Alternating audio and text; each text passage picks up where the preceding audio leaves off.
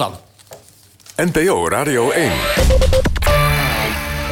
Ouderenbond ANBO vreest dat door problemen bij het stemmen per post... veel stemmen van 70-plussers verloren gaan. Vandaag bleek dat in een aantal gemeenten... veel briefstemmen niet op de goede manier zijn uitgebracht. In de meeste gevallen zaten de stempas en het stembiljet... in dezelfde envelop en dat is niet de bedoeling. In Myanmar zijn opnieuw demonstranten door ordentroepen gedood... bij protesten tegen de militaire staatsgreep. Zeker zes mensen zouden zijn doodgeschoten. Volgens een mensenrechtenorganisatie zijn er sinds de protesten vorige maand begonnen... zo'n 140 mensen omgekomen. De Russische oppositieleider Navalny is inderdaad naar een strafkamp gebracht. Hij zat tot vrijdag in een detentiecentrum. Zijn advocaten wisten niet waar hij naartoe was gebracht. Nu zegt Navalny op Instagram dat hij in een strafkolonie zit... zo'n 100 kilometer ten oosten van Moskou. Tot begin mei zijn er zeker geen grote evenementen... zegt voorzitter Bruls van het Veiligheidsberaad. Voor die tijd geven burgemeesters zeker geen vergunningen af, zei Bruls. Koningsdag en Bevrijdingsdag kunnen daarom ook dit jaar... zeker niet massaal worden gevierd. NPO Radio 1. EO NOS. Langs de lijn en omstreken. Met Robert Neder en Thijs van den Brink. Goedenavond, het is uh, maandagavond half tien. Hartelijk welkom bij het wekelijkse sportforum van Langs de Lijn en Omstreken. Ja, in dit uh, forum Leo Driessen, voetbalcommentator bij ESPN... en presentator bij uh, NH Nieuws. Freek Jansen, hoofdredacteur van VI en Ajax Watcher. En Stef Clement is er ook, oud-renner natuurlijk... en wieleranalist bij de NOS. We gaan praten onder meer over de eredivisie-topper PSV Feyenoord... de etappekoersen Parijs-Nice en Tirreno Adriatico... de week van Ajax en de selectie van Jong Oranje voor het EK. Meekijken kan ook via de webcam van NPO Radio1.nl. We beginnen zoals elke week met uh, jullie moment van de week. Stef, voor jou was er maar één moment mogelijk. Laten we luisteren. Van der Poel trapt door, eet, herstelt en hoopt dat het voldoende is. Daar de Sloveen en daar het rood-wit-blauw. Omkijken, trappen, uitgeput. Wat een prachtige overwinning weer. Er gebeurt altijd wat als Mathieu van der Poel aan het koers is. Ja, zeg eens eerlijk, heb jij getwijfeld of, of hij iets zou halen, Stef? Ja, Zeker in die laatste drie kilometer heb ik zeker getwijfeld. Hij haalde het net. Ja, want hij begon op 50 kilometer van de meet, geloof ik, hè? Ja, iets meer zelfs dan uh, 50 kilometer. Hij uh, was aan het eten. Uh, er reed iemand op kop van een, van een ploeg om te controleren. Er werden mannen gelost, mannen van naam. Greg van Avermaat werd gelost. Hij was aan het eten en met een jelletje in de mond dimmereerde hij. ja, goed. Straks meer wielrennen en meer Mathieu van der Poel. Ja, uh, Freek, jouw moment. Jij koos hiervoor. Broppie voor nummer 3. Ja, hij doet het in de extra tijd. Brian Broppie prikt er nog een derde bij. Ook dat nog goed afgemaakt. 3-0 voor Ajax tegen Young Boys. En die return volgende week in Bern. Dat wordt gewoon een formaliteit. Ja, de 3-0 van Broppie tegen Young Boys. Uh, uh, waarom wilde hij dit laten horen? Beetje tweeledig. Allereerst natuurlijk de overwinning van, van Ajax in Europa. En ook wel een klinkende overwinning. 3-0, waardoor je eigenlijk met anderhalf been in de, in de kwartfinale staat van de Europa League. ook de manier waarop de Ajax voor mij gevoel de beste wedstrijd van het seizoen speelde. Um, en dat zonder een rit spelers, belangrijke spelers die ze misten. Maar ook Brobby. En na afloop ging het over Brobby. Hij zal hij toch nu toch misschien wel blijven, toch niet blijven. Nou ja, en een, uh, volgens mij 24 uur later was voor iedereen duidelijk... dat hij voor vier jaar naar Red Bull Leipzig ging. Dus daar zat ook wel weer een beetje het tweeledige in. Ja, dezelfde avond nog, ja. ja, ja. Goed, uh, over Brobby gaan we het zo meteen ook hebben. En met name ook over de week van Ajax natuurlijk. Ja, Leo, normaal gesproken verras jij ons met jouw moment van de week. Dit keer niet, jij koos dit. Het is wel een spannende en interessante wedstrijd. Want het is de wedstrijd tussen de nummer 16 van de Eredivisie... Willem II tegen de nummer 9 van de Eredivisie Heerenveen. En beide teams hebben echt wel wat om voor te strijden vandaag. Want uh, Willem II wil natuurlijk weg van die 16e plek. Want dan moeten ze na competitie gaan spelen om maar niet te degraderen. En uh, aan de andere kant wil Heerenveen toch die play-offs uh, voor Europees voetbal gaan halen. Ja, de eerste woorden van een vrouwelijke voetbalcommentator in Nederland... dit weekend hier op Radio 1, Suze van Kleef. Van waar dit moment? Nee, het ging mij om die wedstrijd, hoor. nee, nee het was, ja, er werd wel gezegd van, uh, dat uh, raar eigenlijk dat dat bijzonder is. Maar het is natuurlijk, dat is ook zo. Maar het is wel bijzonder. En, uh, en ze deden bijzonder goed. Jij loopt al heel lang mee in de sportjournalistiek. Ja. Had dit eerder gekund? vast wel, maar... Um, ja, vast wel. ja, ik, ik heb er eigenlijk ook niet zozeer... Het, het, is wel zo, uh, ik zie bij ESPN waar ik dan werk, dat, waar dan uh, ook veel vrouwen werken, maar dan uh, gaat het toch automatisch in de keuze meer richting meteen de, de presentatie. Of, en, en, ja, want vrouwelijke voetbalpresentatoren zijn er natuurlijk wel meer. Zeker, Ja. zeker, zeker. Maar er, er is wel eens gezegd dat het eh, ook van doen heeft met, eh, met, met stemklank en eh, dergelijke. Dat dat, dat het lastig is om, om daaraan te wennen. Maar ik denk, ja, daar moet je dan maar aan wennen. Want de vrouwenstem iets hoger is. En daardoor, als het enthousiaster wordt, dat het dan ook iets hoger klinkt. Ik zie Ja. dat niet zo als bezwaar. Maar... Schiet mij te binnen, dat- die ken je ook nog wel. Bonne van de Kooi hadden we vroeger. was geen NOS, maar die deed volgens mij... NCRV zaterdagmiddag... Volleyballen volgens mij. ja, dat maar ook, ook wel eens... Bo- Bonne, Bonne. Ja, Ja, klopt, ja, ja, ja, ja, Ja, klopt. ja, ja. Nee, het Ik is ben één niet- keer te binnen. zo- Het is niet zo dat het, dat het helemaal... eh, zo- nou, laat dat er meer volgen. Ja, Freek Jansen, hoeveel zijn er bij VI? Vrouwelijke verslaggevers? Oef, nul. Oei, ja, oei, nee, oei, daar kan ik ook heel kort over zijn, ja. Ja. Ja, nee, dat is, en dat is niet zo dat dat nou... eh, Beleid is. beleid is, nee. nee, Maar nee. die- maar op. de- de- als er een procedure is, dan solliciteren ze wel? Of is het gewoon een kwestie van, ja, eh, ze melden zich gewoon niet? Kan Nou, ik denk dat dat, dat is denk ik ook wel een heel voornamelijke reden. Dus Ja? ik, sinds iets meer dan een half jaar zit ik nu in de hoofdredactie... en dan zie ik ook alle mail voorbij komen van eh, open sollicitaties. Maar er zit inderdaad eigenlijk nagenoeg nooit een, eh, een vrouw bij, nee. Nee, nou, nou, bij deze, Ja, wie weet wat er morgen wat verandert. A- Annemarie Postma. bijvoorbeeld. Ja. Om maar even een te geven, zeker. Eh, we beginnen met eh, de eredivisie topper, want jullie wel nemen. En als je het niet goed vindt, dan doen we het toch. Eh, natuurlijk PSV tegen Feyenoord. Afgetrapt bij eh, PSV Feyenoord in het Philipsstadion in Eindhoven. Max vanaf de linkerkant. Dat is een goede bal van Philip Max met links met effect geschoten. En die bal gaat raken links voorlangs de goal van Marsman. Weer een 1-2 en dan komt hij terug bij... Ja, Malen, Malen, nee! Weer een kans voor PSV. Balbezit voor Feyenoord. Dat kan hier een kans opleveren voor Linsen. Of voor Berghuizen. Die maakt hem gelijk zeg. 0-1 na exact een kwartier. Feyenoord leidt in Eindhoven. Dankzij een geweldige goal van Steven Berghuizen. Torenstra, Torenstra nu eh, een paar meter naar links. Komt er een eh, voorzet en de kans. Oh, Linsen, notabene met het hoofd. Sankaré, de diepte Gakpo. Marsman, wat kom jij daar helemaal doen uit je doel? En Gakpo die komt er niet langs. Ja, dat is een eh, gekke actie van die doelman van Marsman. Maar loopt wel goed af. Weer een gigantische kans voor Feyenoord. Nu voor Geertruida. Gutsen, Malen en dan is het juist op het moment 1-1. Gutsen geeft eh, de bal met veel gevoel en Malen met zijn snelheid eh, duikt er dan vandoor. En wipt ook nog in één actie die bal over Marsman. Nou, nou, nou, wat een kans weer voor Brian Linsen voor Feyenoord. Dat had hier een voorsprong moeten komen. Maar Linsen schiet de bal op eh, de voet van een Vogo. Oh, daar komt Malen al en dat is nee. Weer Marsman die rit. Madueke gaat er tussendoor. Geweldig gedaan. Madueke die maakt hem af. Nee, zeg op de paal. Ik dacht echt dat hij erin ging. Niet normaal. Wat een, wat een tempo, wat een kansen. De tweede helft is absoluut voor PSV. Had moeten scoren in die tweede helft, maar heeft dat nagelaten. Feyenoord is op, Feyenoord is leeg. Feyenoord heeft er de kracht niet meer voor. PSV wil hier winnen. Het schot van Rosario van richting Van de Bottekiet. En dan Marsman, die op het allerlaatste moment nog een eh, doelpunt voorkomt. En zo eindigt PSV Feyenoord, Berghuis en Malen in 1-1. Ja, ik heb tijdens de wedstrijd één biertje gedronken. Want toen hij op was, na 10 minuten, heb ik gewoon geen moment gehad... behalve even in de rust dat ik een nieuwe kon gaan halen. Je zat gefascineerd te kijken, Leo Driessen. Mag ik bij jou beginnen? 1-1, was het terecht? Eh, nou, ja, nee, ja, uiteindelijk wel. Want eh Feyenoord voor rust heel veel kansen. Die ze in eh, de Kuip wel eh, wisten te benutten. Toen het ineens heel verrassend zomaar 3-0 stond... waar PSV ook aanvankelijk... Het was eigenlijk een kopie van de wedstrijd in Rotterdam. Behalve dan de uiteindelijke score. En ook het verval... Bij PSV zie je toch die golfbewegingen. Wat me overigens wel meeviel... is dat ze in de tweede helft dan weer de bovenliggende partij werden... in een overigens mindere helft dan de eerste helft. Ja. Ehm, ja, ik vond het wel mooiste eh, eigenlijk van eh Geertruida. Dat hij... eh, dat doet mij een beetje denken. We hadden een, die Geertruida die werd dus boos dat, dat ze niet met z'n allen naar voren gingen nog om, om een doelpunt te maken. Ik doe me denk- aan toen ik ooit bij de meervoetballen stonden we met 5-0 achter tegen DWS.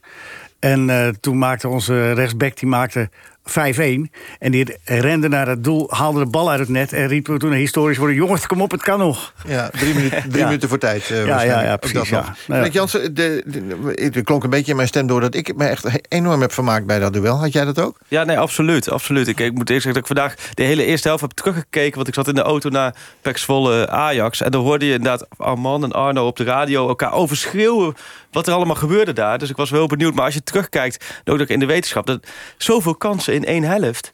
En, en ook zo gek dat je de eerste tien minuten begint PSV zo goed. Dat je Ja. denkt, nou, dit, dit wordt echt de wedstrijd voor PSV. En dan draait het door de doelpunt van Berghuis. En dan krijgt vervolgens, zie je ook wel weer de kwetsbaarheid van PSV gelijk erin sluipen. Dat ze gelijk zoveel kansen weggeven. En uh, nou ja, Feyenoord heeft zichzelf op, in die fase echt tekort gedaan. Want die hadden echt afstand kunnen nemen voor PSV. En dan had ik denk ik niet meer gezien dat PSV te boven was gekomen. Ja, een van de uitblinkers was Nick Marsman, de keeper van Feyenoord. Met een paar knappe reddingen uh, hield hij zijn ploeg op de been. Nou ja, ik denk dat ik wel meer uh, prima wedstrijden heb gespeeld. En uh, ja, tegen PSV weet je dat je iets meer te doen krijgt. Zeker in verhouding met vorige week. Ehm, dus ja, dat is lekker dat je af en toe kan onderscheiden. Het gaat natuurlijk veel, uh, ging deze week ook veel, veel over Bijlo, of die fit zou zijn of niet. Uh, maar ja, als jij zo blijft keeper, dan heeft de trainer ook niet echt reden om er iemand anders in te zetten, toch? Nou ja, ik denk dat ik dat altijd gezegd heb. Dat is uh, de keuze aan de trainer. En als ik de kans krijg, dan, dan laat ik me gewoon zien. en dan wil ik het team op de juiste momenten helpen. En ja, zo staat Justin denk ik ook in. En ja, wij zijn er om het team te helpen. Hoe ziet jouw toekomst bij Feyenoord eruit? Want je, je kan volgens mij blijven, maar wil je dat ook? Ja, ook weer uh, een repeterend verhaal. Ja, het liefste denk ik dat alle, elke keeper wil spelen. Op een zo hoog mogelijk niveau. Ja, uiteindelijk moet ik bepalen of, de, of daar een mogelijkheid voor is.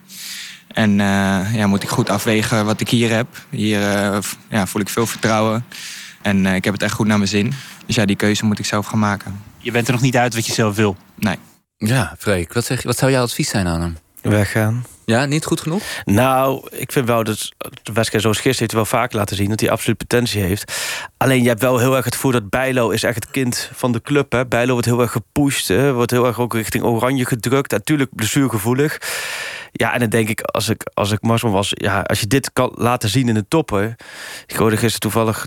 Theo Jansen zei dat volgens mij bij Studio Voetbal... FC Groningen noemen, hè, waar Pat vertrekt... en die toch op zoek met een nieuwe doelman. Dat, dat zou denk ik voor hem de ideale stap zijn. Bij zo'n club en dan wekelijks uh, keepen... en dan niet achterom hoeven te kijken of, uh, of je ingehaald wordt door Bijlo. Want het is eigenlijk onveilig, zeg je, voor hem bij Feyenoord. Als, als, ik bedoel, hij kan zijn best doen... maar als die Bijlo een keer echt fit is... en een paar, een paar goede wedstrijden speelt, is het klaar. Ja, als, als Bijlo van zijn blessuregevoeligheid afkomt... is dat toch echt de nummer één uh, van Feyenoord. Ja, en dan kan het zomaar zijn dat je dan een heel seizoen op de bank zit. En dat is zonde, want hij heeft genoeg kwaliteiten. Ja, ja. Stef, heb jij het ook een beetje gevolgd, Stef Clement? Jongens, ik had uh, vierkante ogen dit weekend van al het wielrennen. Dus uh, daarom hebben jullie mij ook in een apart hokje gestopt, begrijp ik. Nee, ik heb er weinig van meegekregen. Oh, nou ja, goed. Ehm, toch even, ik, dan praat ik even met die andere twee door, als je het niet erg vindt. Ik zou even over Marsman, ik zou juist wel voor Feyenoord kiezen. Omdat hij is 30 jaar. Uh, en ik zou, ik zou vragen om een uh, vijfjarig contract. En dan... Uh, ja, ja, ja, ja, Bijlo gaat binnenkort weg, bedoel je? Die is, nee, die, Bijlo is kapitaal van Feyenoord. Ja. En, en de, die willen ze koesteren. En, maar zo kwetsbaar. En... dus er is alle, re alle reden om, om erin te blijven geloven... dat je daar ook nog zelf aan de bak komt. in, in de periodes dat hij, dat hij eerste keeper is geweest... werd er ook nog wel eens He, dat is niet een, een, keeper met een, met een glansrijke carrière tot nu toe. Hij doet het nu uitstekend. Nou, van dat moment zou ik bij de club waar je zit gebruik maken... en daar een langdurig Maar dan ben je het dus niet eens met wat Thijs zei. Thijs zei niet goed genoeg. Net. Dat vroeg ik, hè? Vroeg oh, nee, nee. Het, het, het, is politiek. Want uh, dat is wat, uh, wat Freek net ook terecht zegt. Hij, hij, de, Bijlo, mits fit, is kapitaal. Dus die laten ze spelen om hem in de kijker te zetten... en hem dan uh, voor veel geld te verkopen. Dat is de bedoeling ja. bij Feyenoord. Nou, ja. dan hebben ze daarna altijd nog Marsman. En de keepers gaan lang mee. Hij is nu 30. Dus ik zou vragen, vijf jaar... En een flink handgeld, want ze hebben geld zat bij Feyenoord. En er komt een, en er komt een nieuwe trainer natuurlijk ook aan, hè? Nou ja, die zal er nu ook wat die, over kunnen zeggen. Die moet ook een keuze maken natuurlijk. Ja. Wie weet maakt hij de keuze voor hem wel. Uh, ja, Slot praat nu al met die spelers. Dus. Ja, dat wordt interessant van hoe de rol van Slot hierin is. Want het is natuurlijk kort geleden bekend geworden... dat hij al echt heel bewust bezig is. Hè, met spelers praten, ook met zakenwaarnemers, noem maar op. bezig is met die selectie van vorig seizoen. Dus ik ben ook wel benieuwd hoe hij dus naar die, die keeperskwestie... Want, want vinden jullie Bijlo echt beter? Nou, als, hij fit, als vis is, ja? Ja, maar dat is dus wel een probleem. Als je, je kan wel zeggen, ja, hij is hartstikke goed. Maar uh, dat is ook de anekdote die uh, Louis Vergaal ooit had met uh, Guy Thijs... toen trainer van FC Antwerpen en Louis daar speler. Toen zegt hij, trainer, waarom stel je me nooit op? Ik ben de beste aan de bal. Toen zegt Guy Thijs, jawel, maar je hebt hem nooit. ja, ja. Dus ja, het is een beetje, weet je, Bijlo is wel vaak geblesseerd. Hè? Hij is ja. vaak geblesseerd, ja. Maar het, het, is wel ja, in potentie een betere keeper Zeker dan daarom. Marsman. Maar dat is voor, de keeper, voor een keeper wel raar, toch? Dat je blessuregevoelig bent, dat hoor je niet vaak. Ehm, nee, ja, het is meestal met van die fases. Stekelenburg had ook van die fases. Volgens mij was dat bij Everton of zo, dat hij ook tijd geblesseerd was. Bij Ajax hebben ze een paar seizoenen achter elkaar gehad... met die Dudica en Lobond volgens mij. Die allebei geblesseerd waren. Maar het is, het is opvallend. Als ze geblesseerd raken, raken ze ook fors geblesseerd. Want het gaat meestal met die uh, verschrikkelijke botsingen. Ja, precies. Ja, ja. ja. Maar uh, Stef, ik wil je er toch even bij halen. Want als je nu um, als je het verplaatst in de rol van een wielrenner bijvoorbeeld... die niet de garantie heeft dat hij een basisplaats heeft in een ploeg... en eigenlijk in de B-ploeg komt... Um, moet hij dan naar een iets mindere ploeg om daar in de top mee te kunnen rijden? Of wat, wat, moet, hij, wat moet hij dan doen? Wat zou je adviseren? Wachten en jezelf bewijzen? Of wat moet hij doen? Nee, het is precies hetzelfde als wat er net gezegd werd. Hè. Het gaat altijd om het beste programma te kunnen uh, rijden of te kunnen spelen. Je moet uh, ervaring opdoen door uh, gewoon op het hoogste niveau te presteren. Wij hadden ook jongens in de opleiding die kozen voor een plekje bij de grootste teams ter wereld. En reden dan ja, het, het C-programma ongeveer. Die waren na twee jaar klaar. En jongens die kozen voor een gelijkmatige uh, carrière, die ging het langste mee. Dus je moet gewoon echt minuten maken, zowel op de fiets als, uh, als op het veld. En dan, uh, dan kun je groeien. En op de bank groei je niet. Ja, dus in dit geval zou je adviseren om te verhuren... of om, om naar een andere club te gaan, in zijn geval? Ja, maar hij is al 30, hè, Marsman?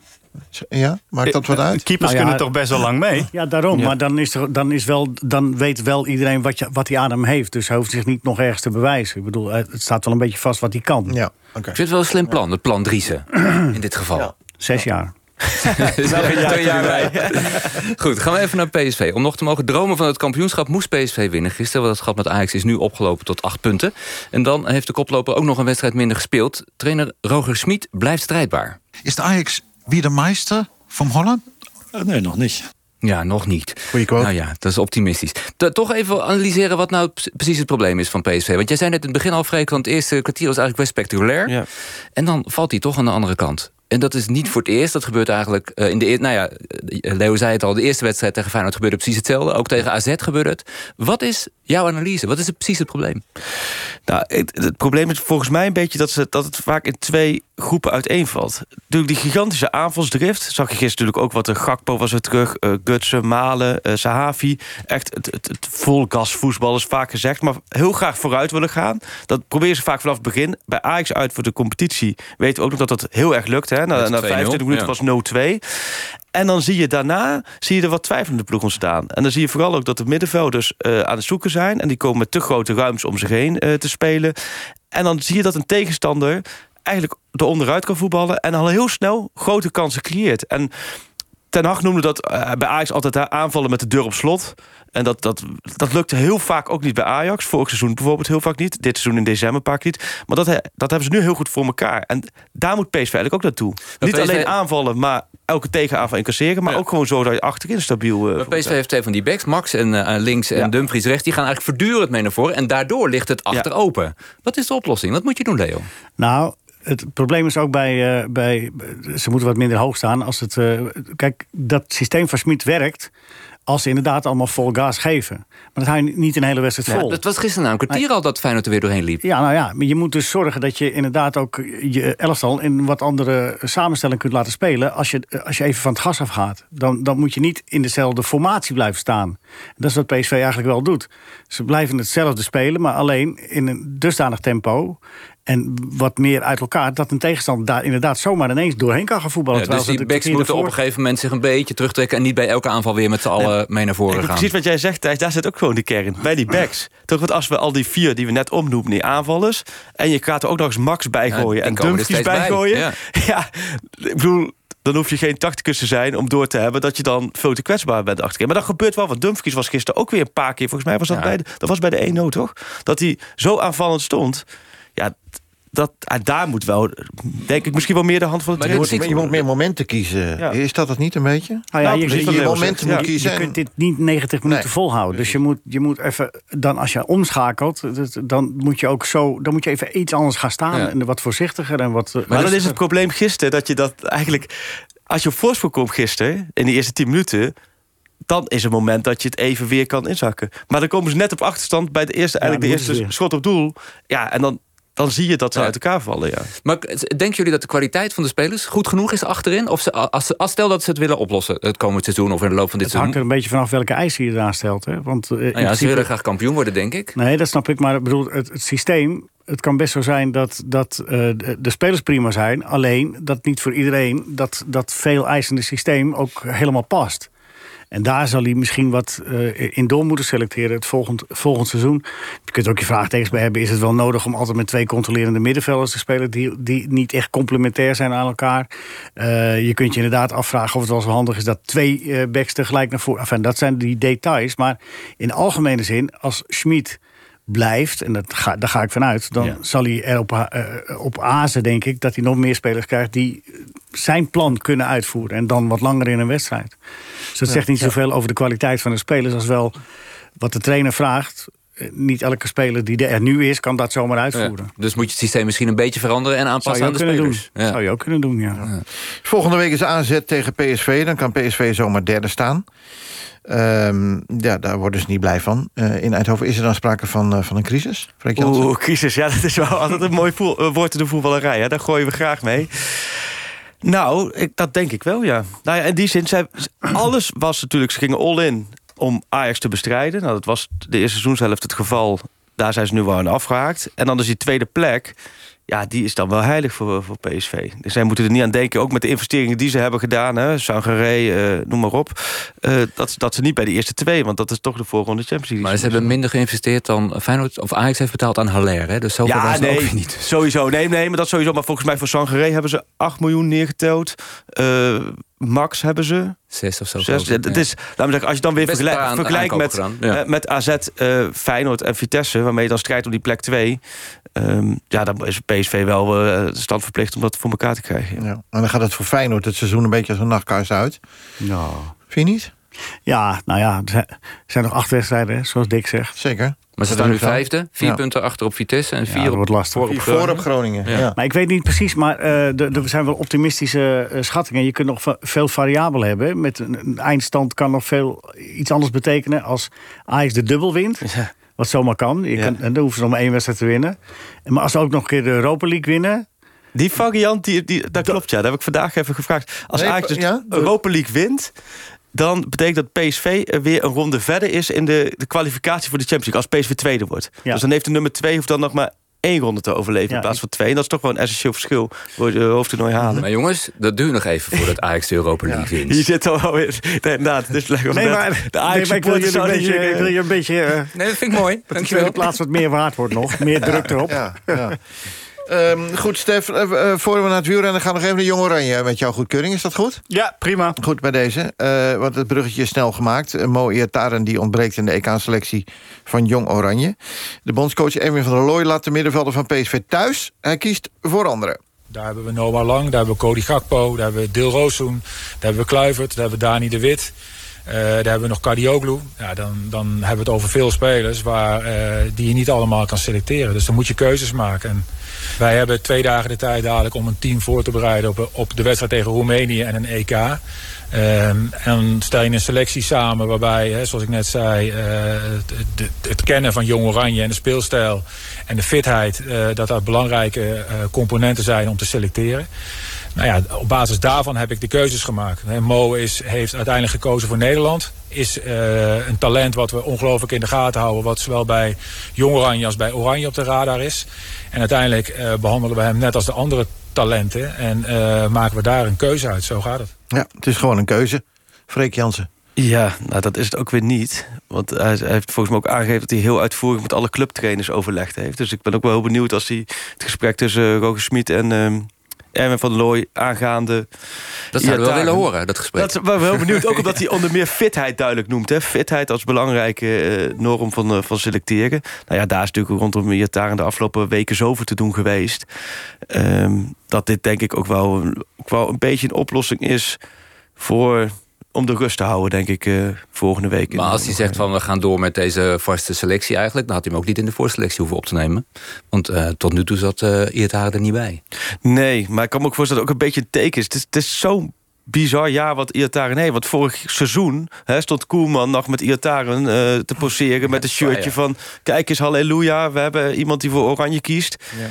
Nou ja, en we zijn nu een, een, seizoen verder... en hij zit niet bij Oranje, hij zit niet eens meer bij Jong Oranje. Dus ja, dat, dat is voor zo'n jong ook wel weer een flinke knauw, denk ik. Leo Driessen, wat vind jij ervan? Nou, volkomen logisch. Want uh, uh, Iataren heeft in Jong Oranje geloof ik helemaal niet gespeeld.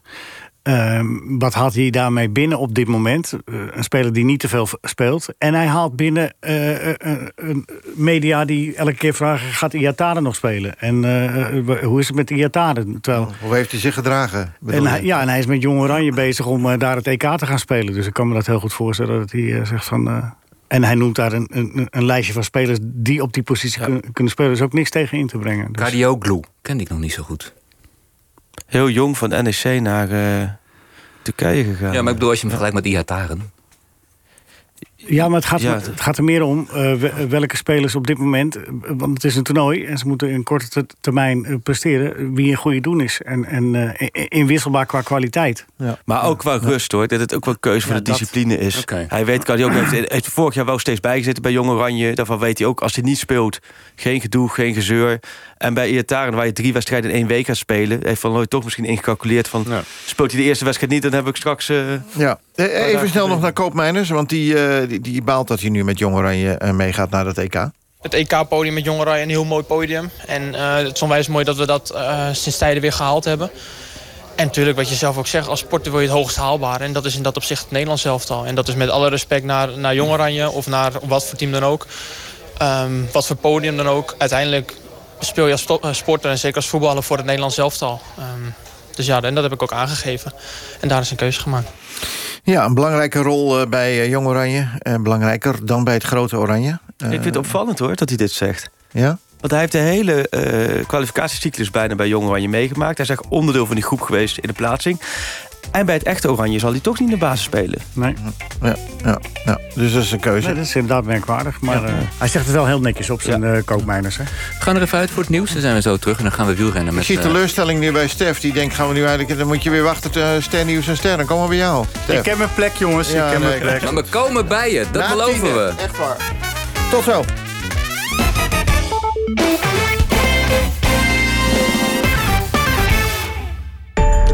NPO Radio 1 Podcast. podcast. U bent er vroeg bij, meneer? Ja, dat is ook omdat het heel belangrijk is om te stemmen. De podcast De Dag. 20 minuten verdieping bij het nieuws. De Partij van de Arbeid. Lijsttrekker van de SP. 50 plus. Wop Hoekstra van Sigrid Kaag van Partij voor de Dieren. Jesse Klaver van GroenLinks. Thierry Baudet. Wie deden het goed? Welke campagne was het sterkst? En wat heeft dat de kiezer al met al opgeleverd? Ga naar nporadio1.nl slash podcast... of je favoriete podcast-app en haal hem binnen. De spanning zit absoluut in de staart. En daarna zal er ook een hele spannende formatie worden. De dag.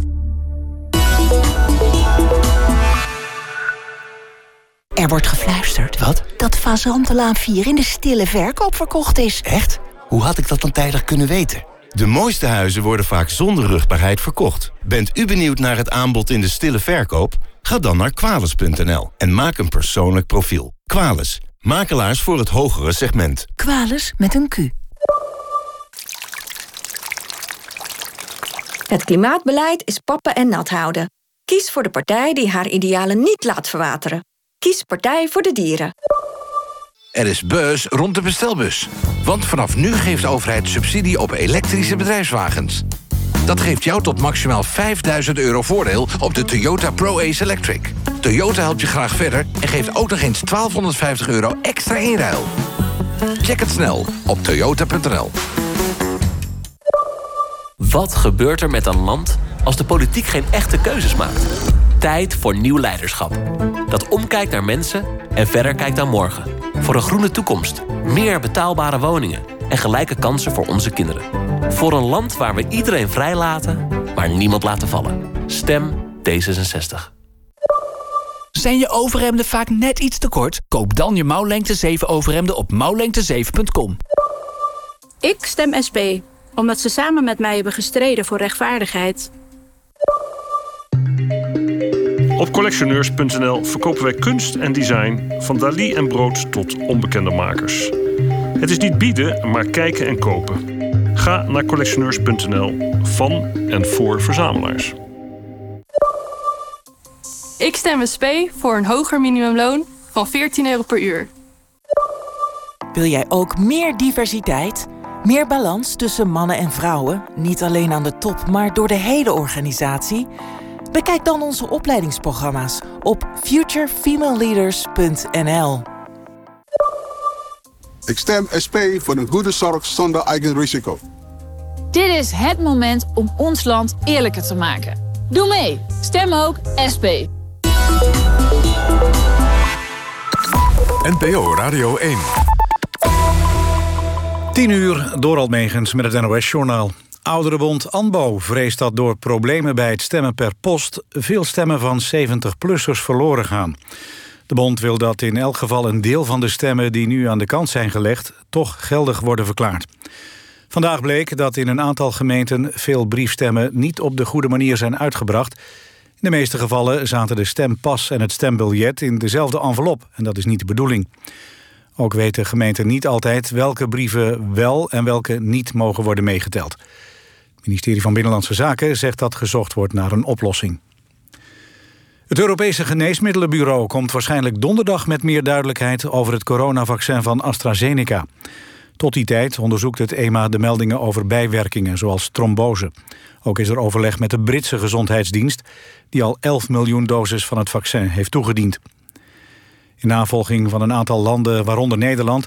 besloten vandaag ook Duitsland, Frankrijk, Italië, Luxemburg en Spanje... om tijdelijk te stoppen met het vaccin van AstraZeneca. Burgerrechtenorganisaties zijn kwaad over een nieuwe wet in Georgia... die het lastiger maakt om te stemmen bij verkiezingen. De Republikeinen hebben daar een wet aangenomen... waardoor het stemmen per post en het stemmen in het weekend worden beperkt. Ook komen er minder stemlokalen. Volgens de tegenstanders van de wet worden vooral democratische kiezers erdoor benadeeld.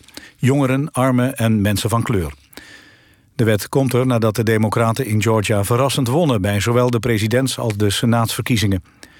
Ook in 43 andere staten in Amerika zijn door republikeinen wetsvoorstellen ingediend... die het stemproces moeilijker moeten maken. Het weer, vanavond bewolkt maar droog. Morgen neemt vanuit het zuidwesten de bewolking toe... en dan gaat het van tijd tot tijd regenen. In het noordoosten blijft het waarschijnlijk droog... en het wordt morgen ongeveer 7 graden. Dit was het NOS Journaal. Coronabesmetting op de werkvloer? Bel Medicorps. Binnen twee uur al uw medewerkers getest. Medicorps. Houdt organisaties open. Ja, en daar is dan de shortlist. Welk boek wordt managementboek van het jaar? We weten het op 22 april. Kijk voor uw keuze op managementboek.nl slash shortlist. Geen varkensflats, maar modderpoelen. Kies Partij voor de Dieren. Vraagje van Greet. Ken jij iemand die binnenkort jarig is? Je lieve opa, allerbeste vriendin, gezellige zus, fijne collega, zorgzame... Ga dan nu naar greet.nl en maak een feestje van jouw verjaardagskaart. Zet bijvoorbeeld de naam of foto van de jarige op de voorkant. Greet. Zeg het op jouw manier.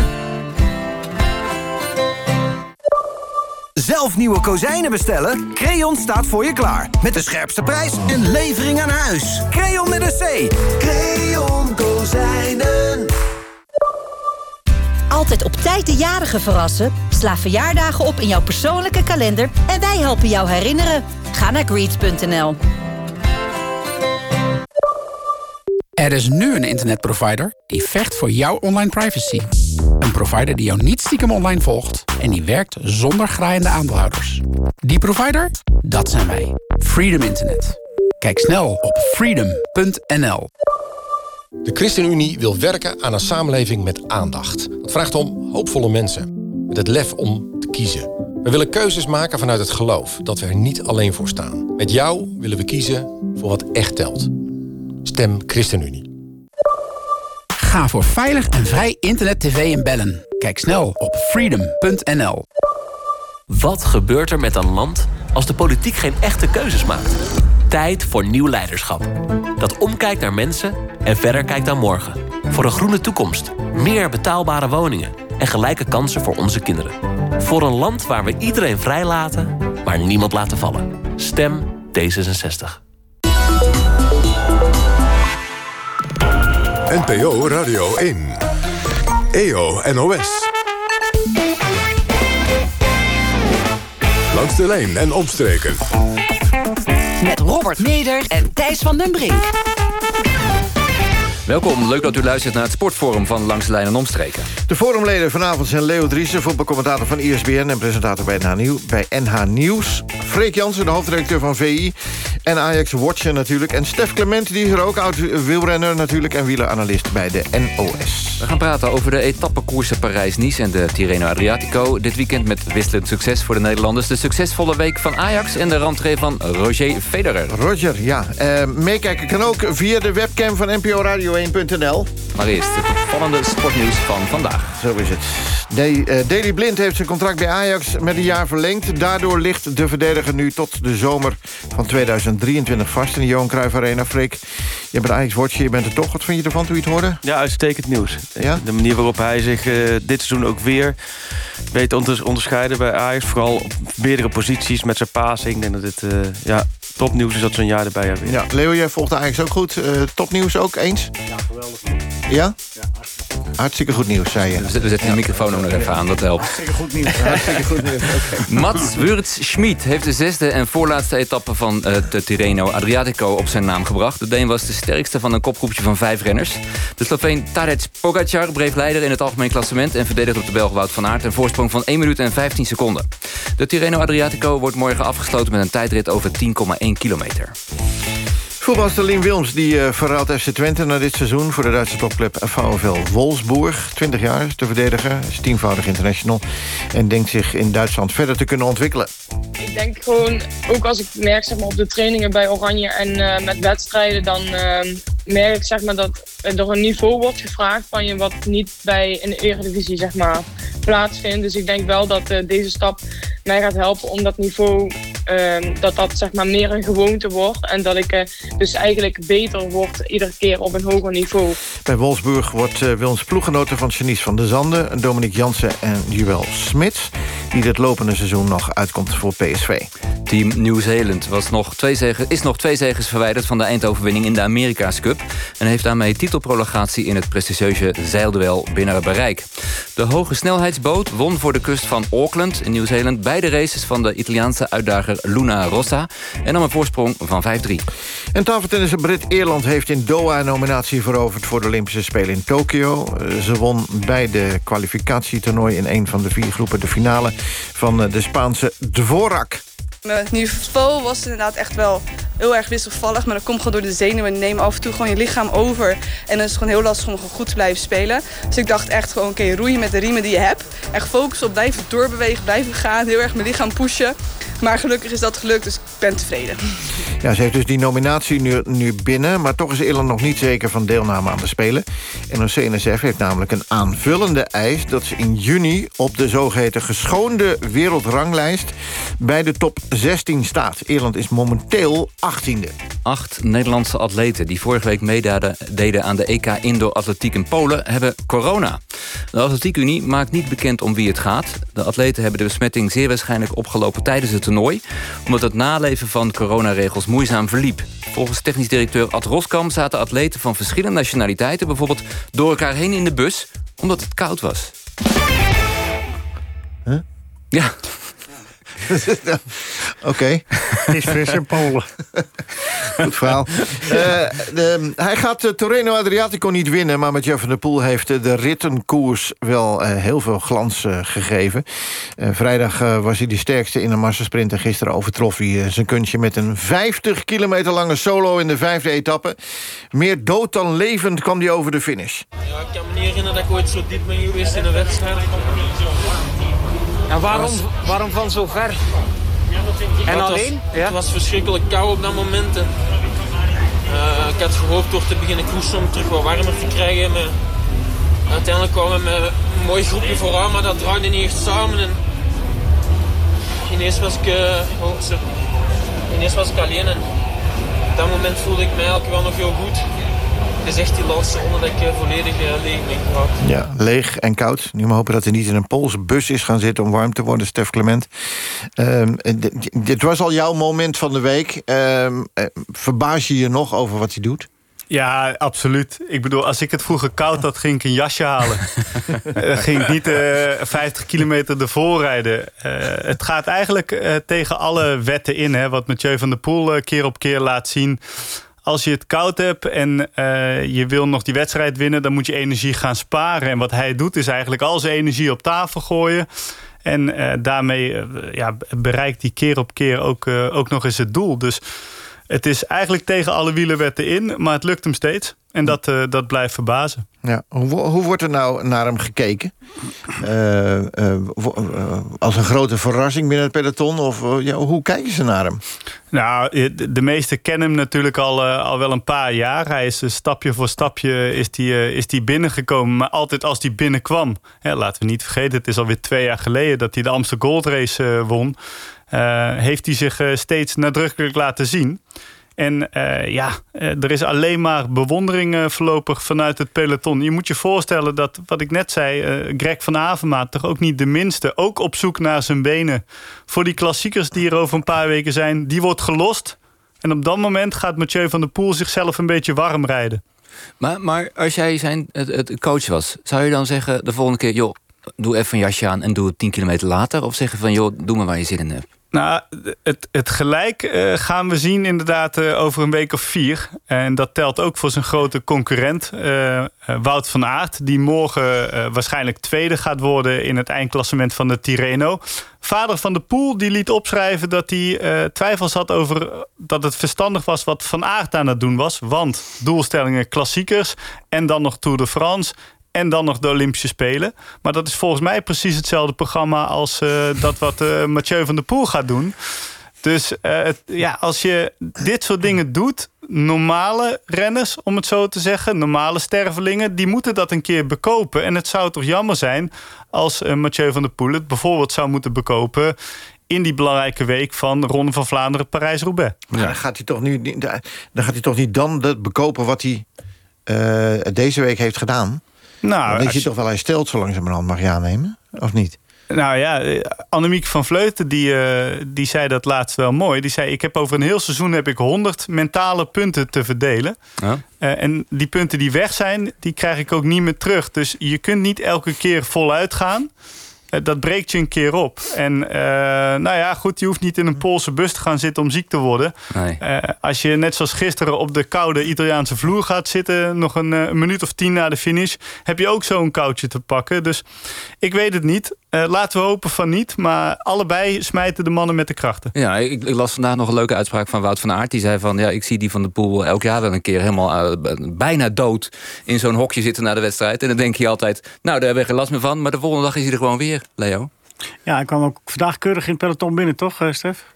Ja, met peloton heeft vandaag een uh, verkapte rustdag ja, ja. Uh, gehouden. ja. ja. Maar wat denk jij, moet hij zijn krachten beter gaan verdelen... of moet hij gewoon lekker doen waar hij zin in heeft? Volgens mij doet hij het toch, doen ze dat toch ook wel een beetje. Want het is niet zoals Eddie Merckx dat hij 340 dagen per, jaar koers, toch? Hij, hij, kiest toch wel de moment uit, Stef, of niet? Nou ja, hij heeft natuurlijk de hele winter gewoon uh, toch gecrossed. Uh, het doet me een beetje denken aan Marianne Vos in de, in de beste jaren. Die crosste de hele winter, dan won ze ook alles. Dat doen die twee mannen natuurlijk ook. En om te kunnen winnen in de cross moeten ze steeds elkaar verslaan.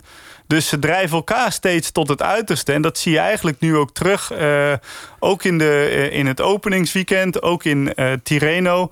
Je ziet toch een soort wedijver. Dat is voor ons natuurlijk prachtig. Hè? Ik heb ontzettend genoten gisteren voor de televisie. Um, maar ja, het, het zal toch een keer uh, wel opbreken, denk ik. Maar koers die intelligent? Of, of heeft hij daar nog veel te leren? Nou, ik denk dat die, uh, Mathieu van der Poel echt niks behoeft te leren op, uh, op de fiets. Um, nee, maar qua tactiek bijvoorbeeld? Ja, ik denk dat hij ook had kunnen winnen door een solo van, uh, van 23 kilometer. en die energie uh, had hij zich kunnen besparen. Dat geloof ik wel, ja. ja Freek, volg je, jij volgt het ook wel, hè? Ja, ja, ja, ja het is weergeloos. Want hij, hij spot eigenlijk met alle wielenwetten wat je zegt. Maar is het voor komende... Gaat hij komend weekend daar last van hebben? Milan Sanremo? Nou ja, ik, ik zei tegen Joris van den Berg, mijn collega-commentator bij de NOS... Uh, vrijdag nog, van kijk, als die Van Aert nou blijft proberen... om klassement te rijden daar in de Tirreno... En dat, die, die was aan het vechten bergop. En Van der Poel nam op die dag uh, nam die een rustdag. Of zaterdag was dat uh, trouwens. Ik zei nog, kijk, Van der Poel is dus slimmer. Die laat het klassement voor wat het is. Die heeft zijn ritje al binnen. Die kijkt morgen nog een keer of dat het nog een keer kan. En voor de rest richt hij zijn pijlen op Sanremo. Ehm, maar wat hij dan zondags doet, zoveel energie erin stoppen. Ja, daar, daar zit dan een beetje mijn twijfel. Ik denk dat hij ook had kunnen winnen, wat ik net al zei, met een korte solo. Die rit was echt voor hem gemaakt. Die had hij sowieso kunnen winnen. En ja, Van Aert die moet morgen ja, toch wel uh, nog een goede tijdrit rijden. Hij staat wel veilig hoor in het klassement. Hij gaat hem niet meer winnen trouwens. Pogacar gaat de Tirreno winnen. Maar ze hebben allebei wel een jasje uitgedaan. Ja, en hoe bijzonder is het dan dat Wout van Aert daar gewoon uh, Bernal achter zich laat... en andere hele grote renners. Het is gewoon echt een hele serieuze meerdaagse wedstrijd. Hij wordt gewoon tweede. Ja, eigenlijk iedereen behalve Primoz Roglic... Uh, die ertoe doet in het klassementswerk, is in Italië. Uh, dat heeft natuurlijk ook te maken met die reisbeperkingen... en de Strade Bianche... Um, dat is heel bijzonder. En dan is het eigenlijk jammer uh, dat ik vanochtend las dat de ploeg zegt: ja, in de toekomst gaan we hem daarin beter ondersteunen. We hadden eigenlijk niet gedacht dat hij dit nu al kon. En dat, dat blijft mij ook verbazen, want ze zijn op trainingskamp geweest. Steven Kruiswijk, Wout van Aert, Primoz Roglic. Al die waarden worden uitgelezen. Dan kun je toch ongeveer wel plaatsen waar dat die staat bergop. Dus. Maar over, over ondersteuning gesproken, Stef. Bij Parijs-Nice dezelfde Gaan we zo heen, gaan we zo heen. Ja, maar ja. Nu? Ja, maar ja, nu. Nu ga je vragen, Leo. Nou ja, dat daar ook eh, op het moment dat Roglic het echt nodig had is van die hele week... Was, kwamen ze even met z'n drieën bij hem rijden. Maar dat duurde maar een paar kilometer, waren ze weer weg. Ja, dan kunnen we even een, een fragment van hem laten horen. Want hij, uh, hij zei, ja, de, Schachman profiteerde dan wel van die valpartijen van, uh, van Roglic. leider in het klassement. Um, maar na aflopen trok hij toch ook wel het boetekleed aan, Roglic? Uh, yeah, like, like I said, uh, I take it on me. Uh, like, uh, yeah, if... Uh, wouldn't be any mistakes and I would be there, uh, would be fine. So uh, uh, yeah, but it's life. Huh? You always uh, yeah do something good, uh, do something uh, some mistakes, and yeah, today was not our best day. Twee keer gevallen was ik duidelijk te zien in de afsluitende etappe. Hij lag helemaal open aan één kant. Ja, adem uit te komen had hij. Uh, bij de eerste, ja, bij de eerste val. Ja. ja. Bij de eerste val. Ja, maar die tweede, of dat dan bij de tweede of bij de eerste was, maar hij lag ook helemaal open. Dus in eerste instantie was het een beetje onzeker wat er nou gebeurd was. Wat was er nou gebeurd eigenlijk, uh, Stef? Ja, dat hebben we nooit gezien. Hè? Dus hij is uh, inderdaad aan het begin van de etappe... het was een hele korte etappe. Het begin van de etappe is hij gevallen in een afdaling. Dan wel weer teruggekomen. En daarna is hij nog een keer gevallen... En is zijn ketting ook dwars gekomen. Bij die eerste valpartij inderdaad zijn schouder uit de kom geweest, uh, wordt gezegd. Uh, bij die tweede valpartij uh, ketting vast. Dan heeft hij heel lang moeten wachten. Is hij helemaal naar achter gesukkeld in het peloton. Um, ja, en als je dan lang uit zo'n hele bochtige afdaling komt... en je draait een brede weg op... ja, dan is de kop van het peloton is natuurlijk al een paar honderd meter verderop. Toen zijn er een paar ploeggenoten inderdaad die er nog over waren... zijn er moeten komen halen. Um, ja, en dan is het Weet je, als je met jouw hele ploeg op kop gaat rijden... dan komt ook niemand je helpen in eerste instantie. Hè? Sowieso de gele trui helpen, dat is al niet... want misschien heeft jouw ploeg wel andere belangen... maar als je meteen met jouw hele ploeg op kop gaat rijden... dat nodigt ook niet echt uit tot, uh, tot hulp. Dus pas toen zijn eigen ploeggenoten waren opgerookt... waaronder op dat moment de nummer 8 van het klassement Steven Kruiswijk ook nog. Ja, toen pas kwam er links en rechts iemand met beste bedoelingen nog even helpen. Maar ja, toen was het schip al verdronken. Ja, was ook een oud ploeggenoot. Hè? Ja. Danny van Poppel, Victor Kampenaerts, allemaal oud ploeggenoten. Maar ja. dan komen we bij de vraag van Leo. Werd hij voldoende ondersteund? Het duurde maar kort namelijk dat ik ze op kop zag rijden. Dat ze, want ik zag ze terugkomen wachten. Want ze kwamen uit het peloton om, om hem op te pikken. Maar dat heeft maar even geduurd dat ze ook daadwerkelijk op kop gas hebben gegeven voor hem. Ja, maar het zijn natuurlijk ook niet jongens die ervoor gemaakt zijn uh, om op kop te rijden. Uh, nee. Steven Kruiswijk, George Bennett en uh, Sam Omen... die zijn eigenlijk gemaakt om kort ja. maar hevig bergop een, een beurt te doen. Ja, dus, dus je zegt de ploeg is eigenlijk niet zoveel te verwijten. Hij had op zijn fiets moeten blijven zitten. Nou ja, sterker nog, als deze jongen uh, vaker op zijn fiets blijft zitten... dan had hij vorig jaar de Dauphiné gewonnen. Want daar ging hij eigenlijk uh, gelijkwaardig uh, naar huis uiteindelijk ook... Hè, na een valpartij bij het plassen. Dan had hij waarschijnlijk genoeg energie gehad... om de Tour tot een goed einde te brengen. En had hij, de, had hij nu prijs niet gewonnen... het is dat hij tussendoor nog de Ronde van Spanje en Luik weet te winnen. Ja, hij kan wel wat, hè? Ja, nee, maar eh, om maar aan te geven... Deze van jongen... een bre ongelofelijke brekenbeen die nooit iets wint. Dit is de beste redder van de wereld. Nee, dan, dan zou het Merksiaan zijn, inderdaad. Ja. nee, maar hij is overal waar hij komt, is hij eigenlijk de beste, maar hij wint niet altijd. Ja, mooi gezegd. Milaan Sanremo, zaterdag, de eerste Mag, ik, mag echte, iets vragen, eh, uh, eh. Stef? Zeker. Eh, heeft het nou hem, heeft het ook kwaad bloed gezet dat hij zeg maar die, eh, nog even die etappe pakte? De, de, die jongen op kop. De dag ervoor. Weet je wel, die Oh, dag ja. ervoor, dat hij nog even de, voorbij die jongen reed, weet je wel, om die etappe nog even te winnen. Heeft dat kwaad bloed gezet ook, denk je? Of Nee, is, dat, nee. is dat all in the game? Dat maakt niet uit. Nee, dat is all in the game. En die jongen die, eh, die zei ook van... Nou, ik moet gewoon nog iets, eh, nog iets beter worden. En Ja. het grappige was eigenlijk dat andere ploegen... het gat hebben dichtgereden. Dat hebben ze niet eens zelf hoeven doen. Hmm. Dus andere ploegen waren nog in de waan... dat ze konden winnen in de Sprintsberg op. Ja. En dan Milaan Sanremo, mag het, Leo? Ja, nee, eh, prima. Ehm, eh, komende zaterdag, de eerste echte wielerklassieker dus. Ehm, verwachten jullie? Freek, of verheug jij misschien wel op een gevecht tussen Van der Poel en Van Aert? Ja, ja, als je dit zo ziet, wat, wat die bij elkaar dus los kunnen maken. Ja, dat, dat, dat hoop je. Ja, ik ben bijna teleurgesteld in wat Stef eh, schetst dat, die op, dat ze op een gegeven moment op kunnen zijn. Maar je hoopt dat je dit gewoon elke week. Ja, maar ziet. het risico is natuurlijk ook dat ze op een gegeven moment allebei op zijn. Ja, ja daar, daar Eh, ben ik heel benieuwd. Ook omdat ze inderdaad de hele winter dus door hebben gekoerst. En, en, en noem alles maar op van, van hoeveel hebben zij in hun mars nou? Ja, die jongens die worden toch mega professioneel begeleid, Stef. Die laten ze toch geen domme dingen doen. Nee, nou ja...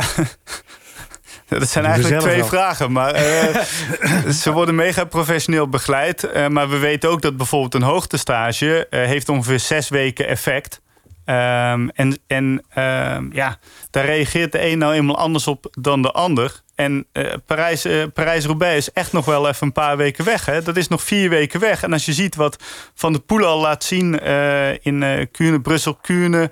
eh, wat hij in de UAE-tour... hij is één dag daar geweest, heeft hij wel gewonnen. Oh ja. Eh, en dat kwam hij eigenlijk recht uit het veld. Dus ja, hoe lang kan je het nog rekken? Het zou fantastisch zijn. eh, en blijk inderdaad van fantastische begeleiding... als ze allebei op de top van de kunnen nog steeds zijn in, eh in Roubaix.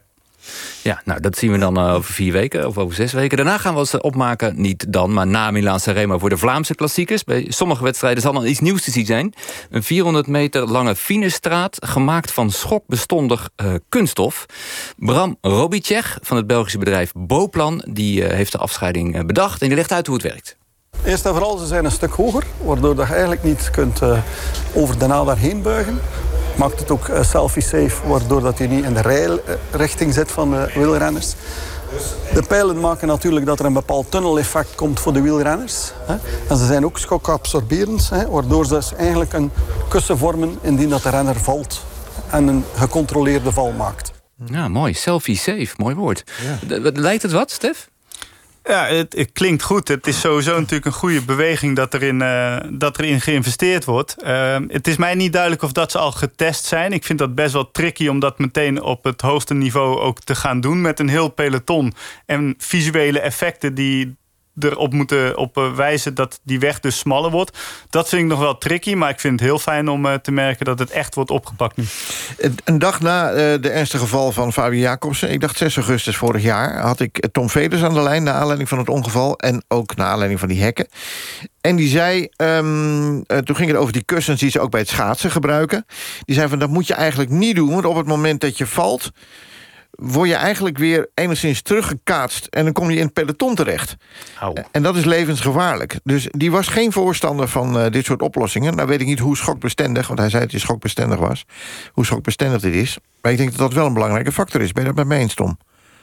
Eh, nee, ja, ben ik met je eens. En daarom zeg ik ook, ik, ik ben er niet zo fan van dat ze dingen zouden gaan testen nu op het hoogste niveau. ehm, terwijl dat ook gewoon kan in, eh, in een simulatie. Dus ik, ik weet niet hoe ver dit eh, systeem al getest is. Eh, maar eh, ja, nogmaals, het is natuurlijk wel duidelijk waarom dit allemaal gebeurt. En namelijk omdat er verschrikkelijke ongelukken gebeuren.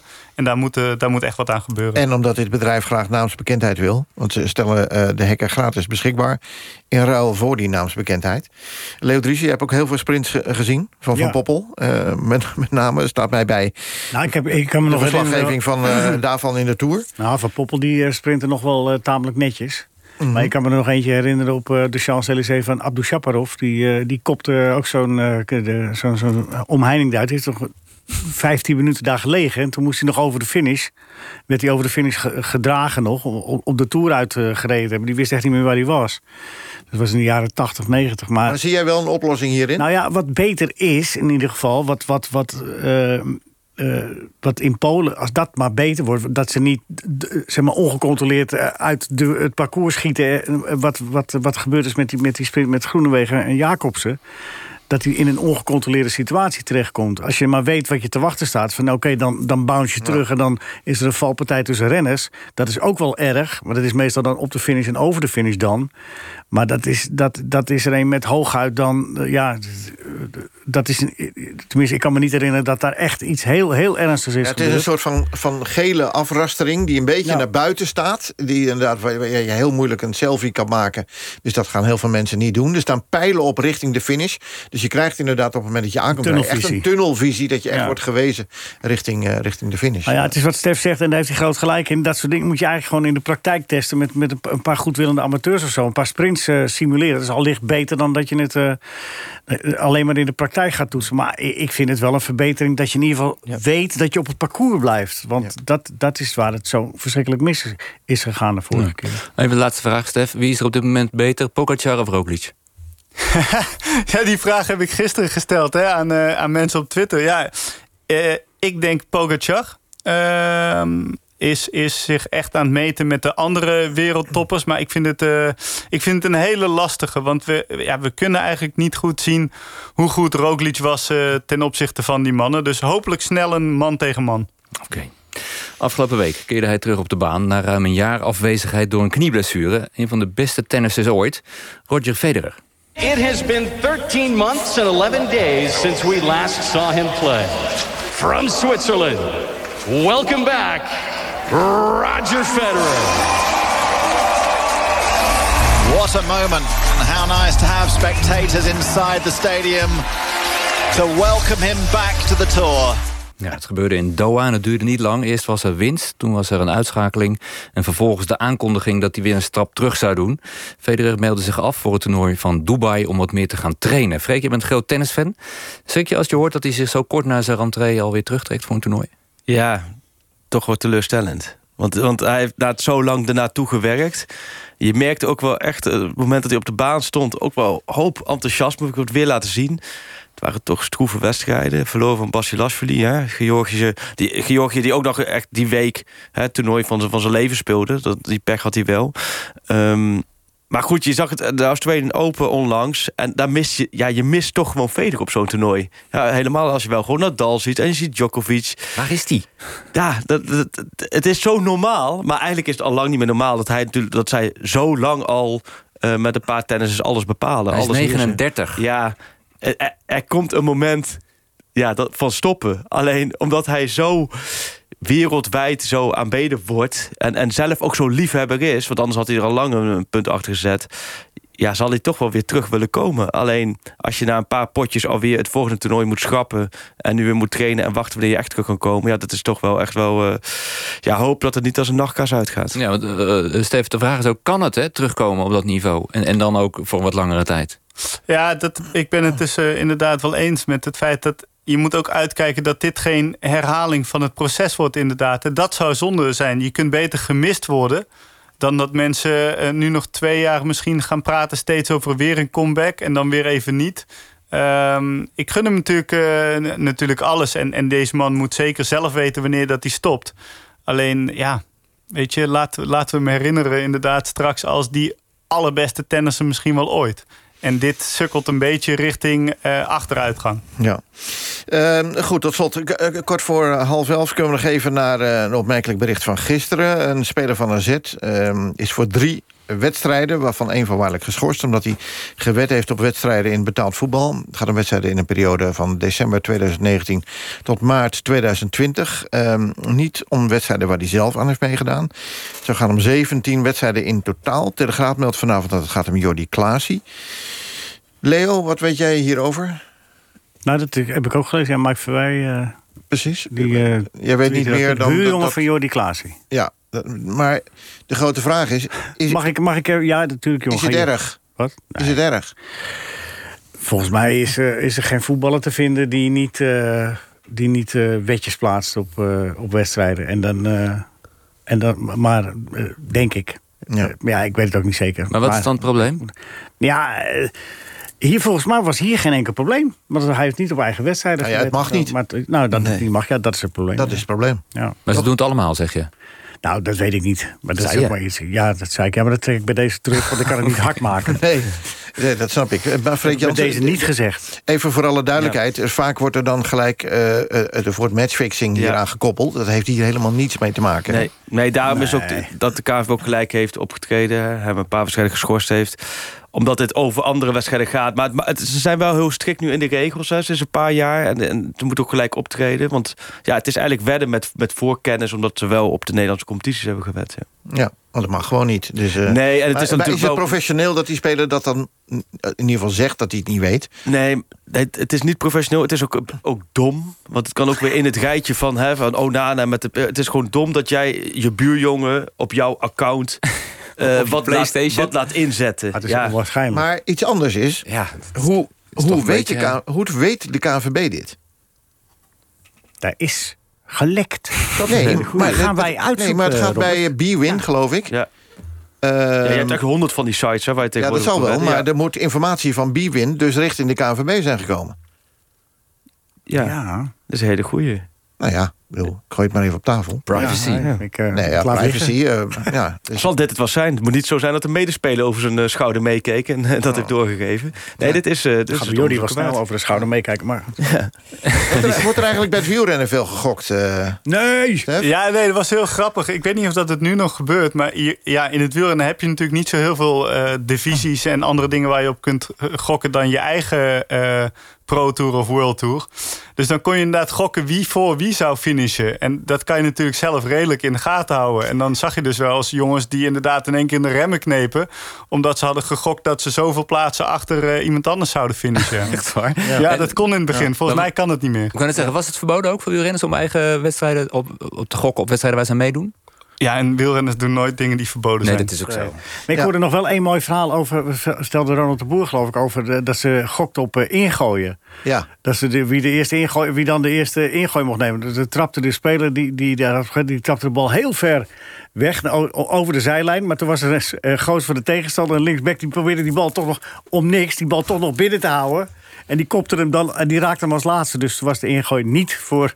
en die kreeg vervolgens Ja. eh Ja. enorm veel scheldkanonades aan een paar, eh, Kort, muntjes. voordat we naar het NOS-nieuws gaan. Freek Jansen, jij hebt nieuws. Ja, ik zie dat voorbij komen van de collega Geert-Jan Jacobs... die VVV volgt, dat ze Hans de Koning hebben ontslagen vanavond. Nu zojuist eh, bekend geworden. Zeven nederlagen op rij. Dus eh, Leo heeft de laatste wedstrijd van, VV, van Hans de Koning bij VVV gisteren bijgewoond. Toch weer een memorabel moment. Halve eh, finale bekertoernooi en eh Ja. eruit. Maar help even de mensen die niet precies weten wat er aan de hand is bij VVV. Waarom Zeven je- nederlagen op rij. En hoe slecht staan ze ervoor? Eén punt nog boven de... Ze dreigen te gaan Gradenzone. degraderen. Nou ja.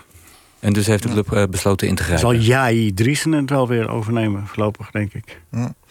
Goed, eh, dit laten we even op ons inwerken. eh, terwijl we NPO Radio 1. naar het NOS-journaal gaan. Met Dorot Megens. Na de eerste stemdag voor de Tweede Kamerverkiezingen... is ongeveer 6% van de stemmen uitgebracht. Vanwege corona zijn de verkiezingen uitgesmeerd deze keer over drie dagen. Deel van de stembureaus was vandaag al open... is ook morgen geopend, speciaal voor kwetsbaren... en mensen uit risicogroepen. Landelijk is vandaag 7 tot 8 procent van de briefstemmen aan de kant gelegd... vanwege vormfouten bij het stemmen. Dat zegt burgemeester Verhoeven van Gouda. Die is ook portefeuillehouder verkiezingen... bij de Vereniging Nederlandse Gemeenten. In veel gevallen waar het fout ging... waren stempas en stembiljet in dezelfde envelop gestopt. Het Europese Geneesmiddelenbureau komt waarschijnlijk donderdag met meer duidelijkheid over het coronavaccin van AstraZeneca. Tot die tijd worden meldingen over bijwerkingen zoals trombose onderzocht. Aantal landen in Europa vaccineert voorlopig daarom niet met het vaccin. Tot begin mei zijn er zeker geen grote evenementen. Dat heeft voorzitter Bruls van het Veiligheidsberaad gezegd. Voor die tijd geven burgemeesters zeker geen vergunningen af, zei Bruls. Koningsdag en Bevrijdingsdag kunnen daarom ook dit jaar zeker niet massaal worden gevierd. Langs de lijn en omstreken. Met Leo Driessen, Freek Jansen en Stef Clement hier in de studio. Ik eens even te kijken. Inderdaad, eh, Leo. Eh, Jay Driessen, die neemt het... Is geen familie? Eh, nee. Maar Jay eh, Driessen, dat is de cultuurbewaker hè, bij VVV. Ja, vroeger de spits eh, met de lange haren. Bij, eh, bij VWA zit al sinds jaar en dag. Die neemt het nu over. Maar ik had zo in de wandelgangen begrepen dat ze daar ook eh, wel wat kritiek op hadden. Maar goed, het is eh, een onaantastbaar eh, monument daar binnen de club. Maar is, is het een, eh, een het is- goed- goed moment om, het is om wel heel snel zou gegaan, weggaan natuurlijk, hè? Want, eh, hij had ja. het einde van het seizoen zou hij al weggaan, toch? Of niet? Klopt, en dat was op dat moment dat ze het toen bekend maakten vrij opvallend. Want toen draaide VVV een geweldige reeks. En ze hebben natuurlijk nog niet zo lang geleden de halve finale van de KNVB-beker gespeeld. Hè, verloren van Vitesse. En toen leek het allemaal eh, crescendo te gaan. Maar het is toch de klatten erin gekomen. Zijn ze toch in paniek. Ook onder meer omdat waarschijnlijk zien ze Willem II steeds dichterbij komen. Ja. Het is wel een enorm, enorm kwetsbare ploeg als, het, als er niet eh, 100% energie in zit. Eh, want, en dat was bijvoorbeeld. Dat is de laatste weken gewoon zo. Als je zeven wedstrijden op rij verliest. Ja, en onderin kruipt het eh, langzaam op die manier. Ja, maar de- ik blijf wel opmerkelijk vinden dat ze. Want, want ze namen al afscheid van, eh, van Hans de Koning. dat- Dat ze dan niet nu de nieuwe trainer ervoor zetten. Maar die. Het is wel opmerkelijk dat dat dan weer de assistent is. Ja. Wie, wie wordt de nieuwe trainer dan? Dat is niet bekend, toch? Nee, dat, dat, dat, maar dat. Dat kan je er ook niet voor zetten. Nee. Nee. Nee, dat snap ik. Ja. Maar dat vind ik gek. Dat, Dat ze die we nog niet hebben. rond hebben. Goed. Vanaf vandaag kan er in Nederland worden gestemd. Inzet zijn eh, 150 zetels in de Tweede Kamer. NOC-NSF maakt zich grote zorgen voor de beperkte aandacht... die de politiek heeft voor de sport. En dat in een periode waarin het gebrek aan lichaamsbeweging... door de lockdown steeds meer schade oplevert. Gerard Dielissen, directeur van de Sportkoepel. Laat ik zo zeggen, dat vind ik teleurstellend. Weet je wel, dat, eh, laat ik dat wel even opmerken. En zelfs eh, eh, de partij die het meest voor sport staat, de VVD. ja, vind ik het toch ook nog wel mager wat er uiteindelijk in het verkiezingsprogramma terecht is gekomen. Je ziet bij D66 ook nog wel wat zinnen en overigens ook wel bij andere partijen. Maar dat, ja, je moet er wel naar zoeken. Aan de andere kant moet ik wel zeggen, als ik met veel politici spreek dan is sport en bewegen inmiddels echt wel een thema in hun hoofd. Hè. Dus eh, ik ga er wel vanuit dat eh, we straks hè, in de loop van deze week en vooral de weken daarna, dat we sport eigenlijk wel een hele belangrijke plek kunnen laten krijgen in een nieuw regeerakkoord. Want als we het nu niet voor elkaar krijgen met eh, desastreuze beweegcijfers, ja, wanneer moet het dan wel gebeuren? Maar je zegt ze hebben het in hun hoofd. Maar ik bedoel, deze crisis is voorlopig nog niet ten einde. Eh, wanneer heb je dan echt het, het idee dat er daadwerkelijk ook in- inderdaad wat gebeuren, gaat gebeuren vanuit Den Haag? Nou ja, nu eigenlijk. Kijk, wij hebben betoogd, ook bij de mensen in het kabinet, bij de ministers, maar ook in de Tweede Kamer, dat sport is gewoon een deel van de oplossing. Je moet er echt voor gaan zorgen dat de, sport weer op de eerste plaats zo snel mogelijk open gaat. Hè, dat is van groot belang. Eh, nou ja, dan moet je natuurlijk rekening houden met, met de veiligheid en met de gezondheid van de mensen. Maar met de komst van de vaccins, wat natuurlijk razendsnel is gebeurd. Maar ook met testen, testen, testen. Moeten we toch echt in het voorjaar eh, weer maximaal kunnen sporten. En te beginnen met de binnensporten die al, naar mijn idee, veel te lang dicht zijn. Nou, ik heb met eh, de minister ook afgesproken eh, dat we de middelen die we voor het eerste half jaar extra tot onze beschikking hebben gekregen, is toch 240 miljoen. Hè, dat we een groot deel daarvan moeten gebruiken van die 240 miljoen. Het gaat echt om veel geld. Om nou ja, toch een sportherstelplan te maken, waardoor we uiteindelijk toch weer op het niveau van sporten terechtkomen van voor de crisis, van voor maart een jaar geleden. Ja, en daarna eh, moeten we echt gaan werken aan eh, de verhoging van de beweegnorm in Nederland. Ja, grote zorgen bij Gerard Dielissen. Eh, Stef, beweeg jij nog een beetje? Ja, ik, ik beweeg heel veel. We hebben een, eh, een mooie eh, Friese daarbij. Dus ik mag elke dag eh, met hem eh, twee keer drie kwartier naar buiten. Ik fiets af en toe nog wat. Wacht maar... even, is dat een hond of een paard, een Fries is daarbij? Dat is een hond. Waarom lachen jullie eh Ik wist Thijs echt uit? niet. Dat bedoel, je kan toch... eh, Sta ik- bij. Ik, ik wist ook niet. Het is gewoon duidelijk een hond. Nee, ik heb een hond. Ik zal het vertaan. Ik heb een hond. het is raar om je paard uit te laten. Dat is wel, raar. Dat is wel waar. Ja. Staat in de gang. Oké, dus jij zelf hebt wel genoeg beweging. Maar zie je om jij heen de, de, de ontwikkelingen waarvan je denkt... van nou, die Dielissen heeft wel een punt? Nou, naast die hond heb ik ook nog een paar zoontjes. En eh, daarvan zijn er twee, eh, acht en tien. En die van tien, die was altijd al eh, meer van eh, achter de beeldschermen, achter de computer. Maar die jongste, die was eigenlijk altijd van het druk doen en bewegen en buiten. En die zie je nu ook naar binnen eh, zijn verhuisd eigenlijk. En dat is natuurlijk ook iets eh, wat... Ze zijn eigenlijk een soort van gedwongen om op de kamer achter de computer te, zijn, eh, Ja. te zitten. En ik vraag me af of dat hij daar nog wel achterweg komt. Want dat is het nieuwe normaal. Eh, ze mogen nu, geloof ik, eh, met, het, eh, met hun volleybalteam... mogen ze dan buiten mogen ze in groepjes wat oefeningen doen. Maar er zijn heel veel kinderen afgehaakt. Ja. En in mijn nabije omgeving, ik zit zelf ook in een volleybalteam van bedenkelijk niveau. Maar daar zit een scheiding van min 27 Ja. Ja. jaar en plus 27 jaar. En dat is natuurlijk wel heel raar. Ik las, ik las vanmorgen in de krant van eh, ik geloof een docent op de basisschool... die zei van sommige jongens kunnen echt niet meer hollen. Ik las het ook, Ja. ja. Bizar. Dat vind ik echt bizar, ja, als je dat hoort. Ja. Zou het niet weer snel terugkeren op het moment dat het weer vrijgegeven wordt? Dat hoop ik dan maar, maar dat is ook maar een vraag die ik zomaar stel. Zou Maar sommige dingen snel- liggen zo lang stil. Zwemles merk je ook bij kinderen. Ligt nu al zo lang stil. Ja. En dat, dat, dat zijn wel essentiële dingen natuurlijk. En, en dat is een andere discussie van wat, 27 jaar. Want merk als... Ik train aan een amateurclub in Leiden. En dan merk je, je kunt amper trainen. Want ja, het is een klein groepje dat mag alles doen. Onder 27. En wat boven de 27 is, daar moet je dan weer aparte oefeningen voor doen. Ja.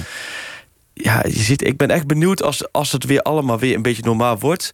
Hoeveel percentage bij amateurclubs, hoeveel spelers gewoon zijn afgehaakt omdat ze in dat Ja, jaar veel. andere dingen gaan doen. Ja, daar ben ik ook bang voor. Ja. Ja, zijn jongens gewoon een seizoen eerder gestopt dan eigenlijk Ja. de bedoeling was. Maar Ja. dat zijn jongens die op leeftijd zijn dan om bijna te stoppen? Die, ja, die je ook, kent. re- Die, ook, eh, ook de derde helft of de derde helft Ja. zelfs al. hè?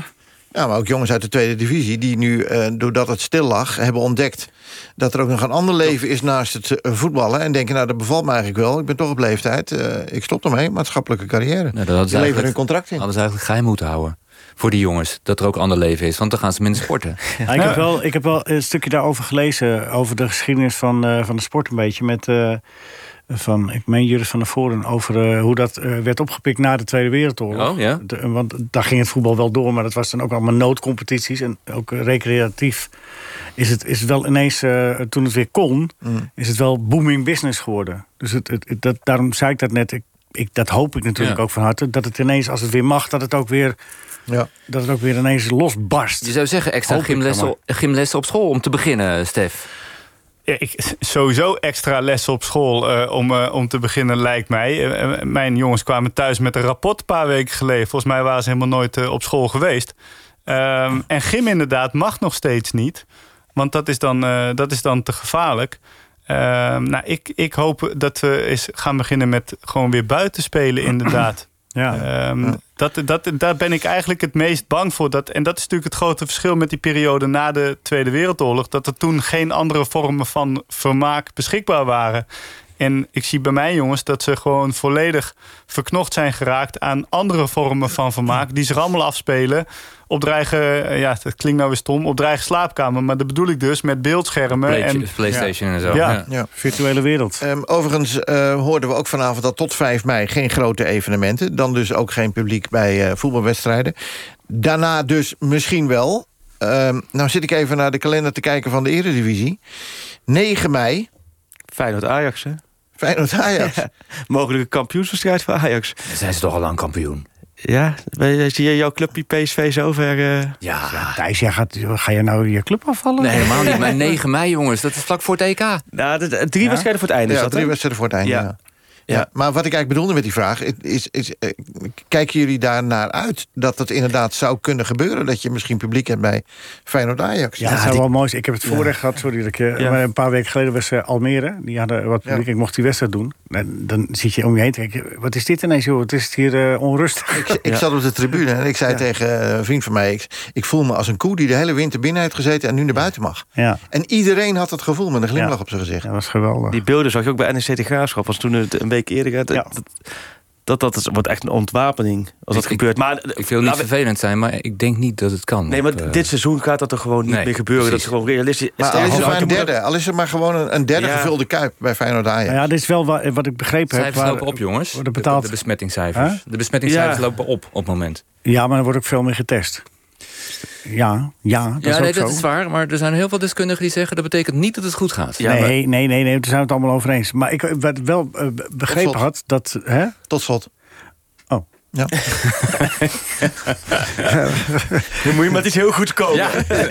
Nee, ik had begrepen dat, dat de betaalde clubs er, erop hoopten... dat ze de laatste twee wedstrijden nog met publiek konden spelen... ten einde dan de weer verschijnende bezoekers te kunnen entameren... om weer seizoenkaarten te kopen. Ja. Dus dat, dat, dat, dat wel, al was het maar de laatste wedstrijd van het seizoen. maar- Even om de gang, die kan, kan niet. de gang weer te krijgen. Ja, nou ja. Goed, de week van Ajax. Uh, daar lijkt in 2021 op de cruise control alles goed te gaan. De donderdag uh, heel eenvoudig gewonnen van Young Boys. Achtste finale Europa League. Gisteren tegen Pek Zwolle net zo makkelijk. Uh, er lijkt geen maat op de koploper.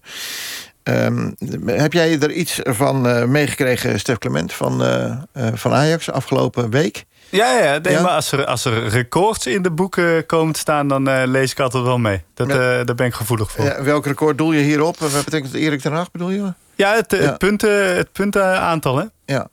Um, denk je dat ze zelf ook een beetje verrast zijn? Oh, ja, nee, maar dat is een vraag voor de andere twee heren. Hoor. Dan moet je er uh, te, diep, te diep in zitten. Ja, zeg gewoon, wat doen wij ook. Ja, nee, dat hoor ik ook wel. maar daar wil je niet aan meedoen. Nee, daarom zit ik in een apart hokje, jongens. Je denkt, ik verlaag me niet tot dat niveau. Ja. Nee, ja, ik had voorspeld dat, uh, dat PSV kampioen zou worden uh, bij BVSC... en dat Tom Dumoulin de Tour ging winnen. Dus dit is sowieso mijn laatste optreden hier. Ja. Jij moet niet wedden. Jij bent geen buurjongen van Jordi Klaas in ieder nee. geval. Uh, maar Freek, wat denk jij? Verrasten ze zichzelf? Zijn ze verder dan ze gedacht hadden?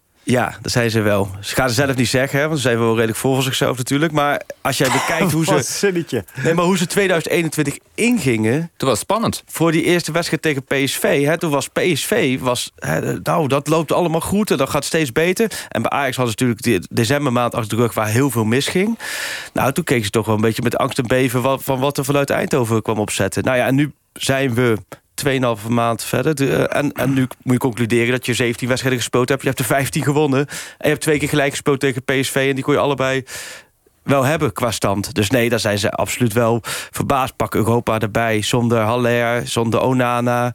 Uh, en je schakelt Liu, de koploper van Frankrijk, eigenlijk heel eenvoudig uit. Nee, die tegen Youngboys nog zonder blind ook. Nu Youngboys zonder blind. Masrowi wordt vaak vergeten. Maar dat is ja. natuurlijk ook de rechtsback van het eh, Champions League elftal van, van, uh, van twee jaar geleden. Ja. Dus nee, het is... Uh, het gaat gewoon ontzettend goed, ja. De overwinning op PEC was speciaal voor Ten Hag. Die zat voor de honderdste keer op de bank tijdens, uh, tijdens uh, een eredivisie-duel bij Ajax. Dat leverde gemiddeld 2,43 punten per wedstrijd op. En daarmee verbreekt hij het record van Aten Mos... die het sinds de jaren 80 in handen had. Is het gewoon een hele goede trainer? Moeten we dat voorstellen? Ja. Aten Mos. dat is sowieso Die ook, categorie. Ja, maar we bedoelen Erik ten Hag. Ja, dat is een hele goede trainer. Toen, de, toen die begon was niet iedereen daarvan overtuigd, hè? Nee, maar dat, dat is misschien omdat hij niet zo'n uh, swingende persoonlijkheid is. Dat hij dat altijd eerst even moet overwinnen. Maar kijk naar zijn track record, wat hij bij Go Ahead gedaan heeft. Die, die laat hij promoveren, wat hij bij Utrecht gedaan heeft. Dat was echt daar binnen de mogelijkheden die Utrecht had... dat hij daar bijna de Europa League haalde. He, met Zenit Sint-Petersburg op het laatste moment net niet gered. Uh, gewoon naar de subtop gebracht. Dat is gewoon een goede, goede trainer, goede trainer. Ja, en toch is er altijd een beetje onrust. Nou, als, als, zolang het echt heel goed gaat, zoals nu is er geen onrust. Maar zodra het een beetje minder gaat, is er onrust. Wat is dat? Dat is Ajax. Dat is Ajax, ja. Dat is echt, dat is echt Ajax. Daar is altijd op het moment dat je, dat je niet wint, is er gedoe. Oh, en ja, maar eigenlijk op het moment dat je niet goed voetbalt of niet veel scoort... want hij heeft ook nog in die 100 wedstrijden 300 keer gescoord... Hè, dus gemiddeld drie per wedstrijd... dat je niet goed voetbalt, is er ook gedoe. En daarom is deze reeks, brengt hem helemaal terug in het zadel. En dan vallen er ook nog... Tuurlijk, we hebben het over de spelers die weg zijn gevallen. Maar je ziet ook dat er weer nieuwe talenten doorbreken. Rens, Timber, toch weer twee talenten. En dat is natuurlijk in Amsterdam ook belangrijk. Dat de jeugd, ondanks alle miljoenen aankopen... ook de jeugd de kans Brobby. krijgt. Nou, met Brobby, met Gavenberg... zie je ook weer dat de, dat de nieuwe generatie uh, eraan komt. Um, nou ja, en dat weet Ten Hag toch allemaal wel goed. De manager, om het maar ja. even zo populair te zeggen. En geen kind van de club. Nee. Is dat dan extra knap? Um, dan heb je wel extra weerstand. Dat is duidelijk, dat, dat je dat binnen, binnen Amsterdam natuurlijk oproept. Uh, maar tegelijkertijd heeft hij daar, staat hij daar ook wel redelijk vrij in. Hij is heel eigenwijs, zegt hij zelf ook.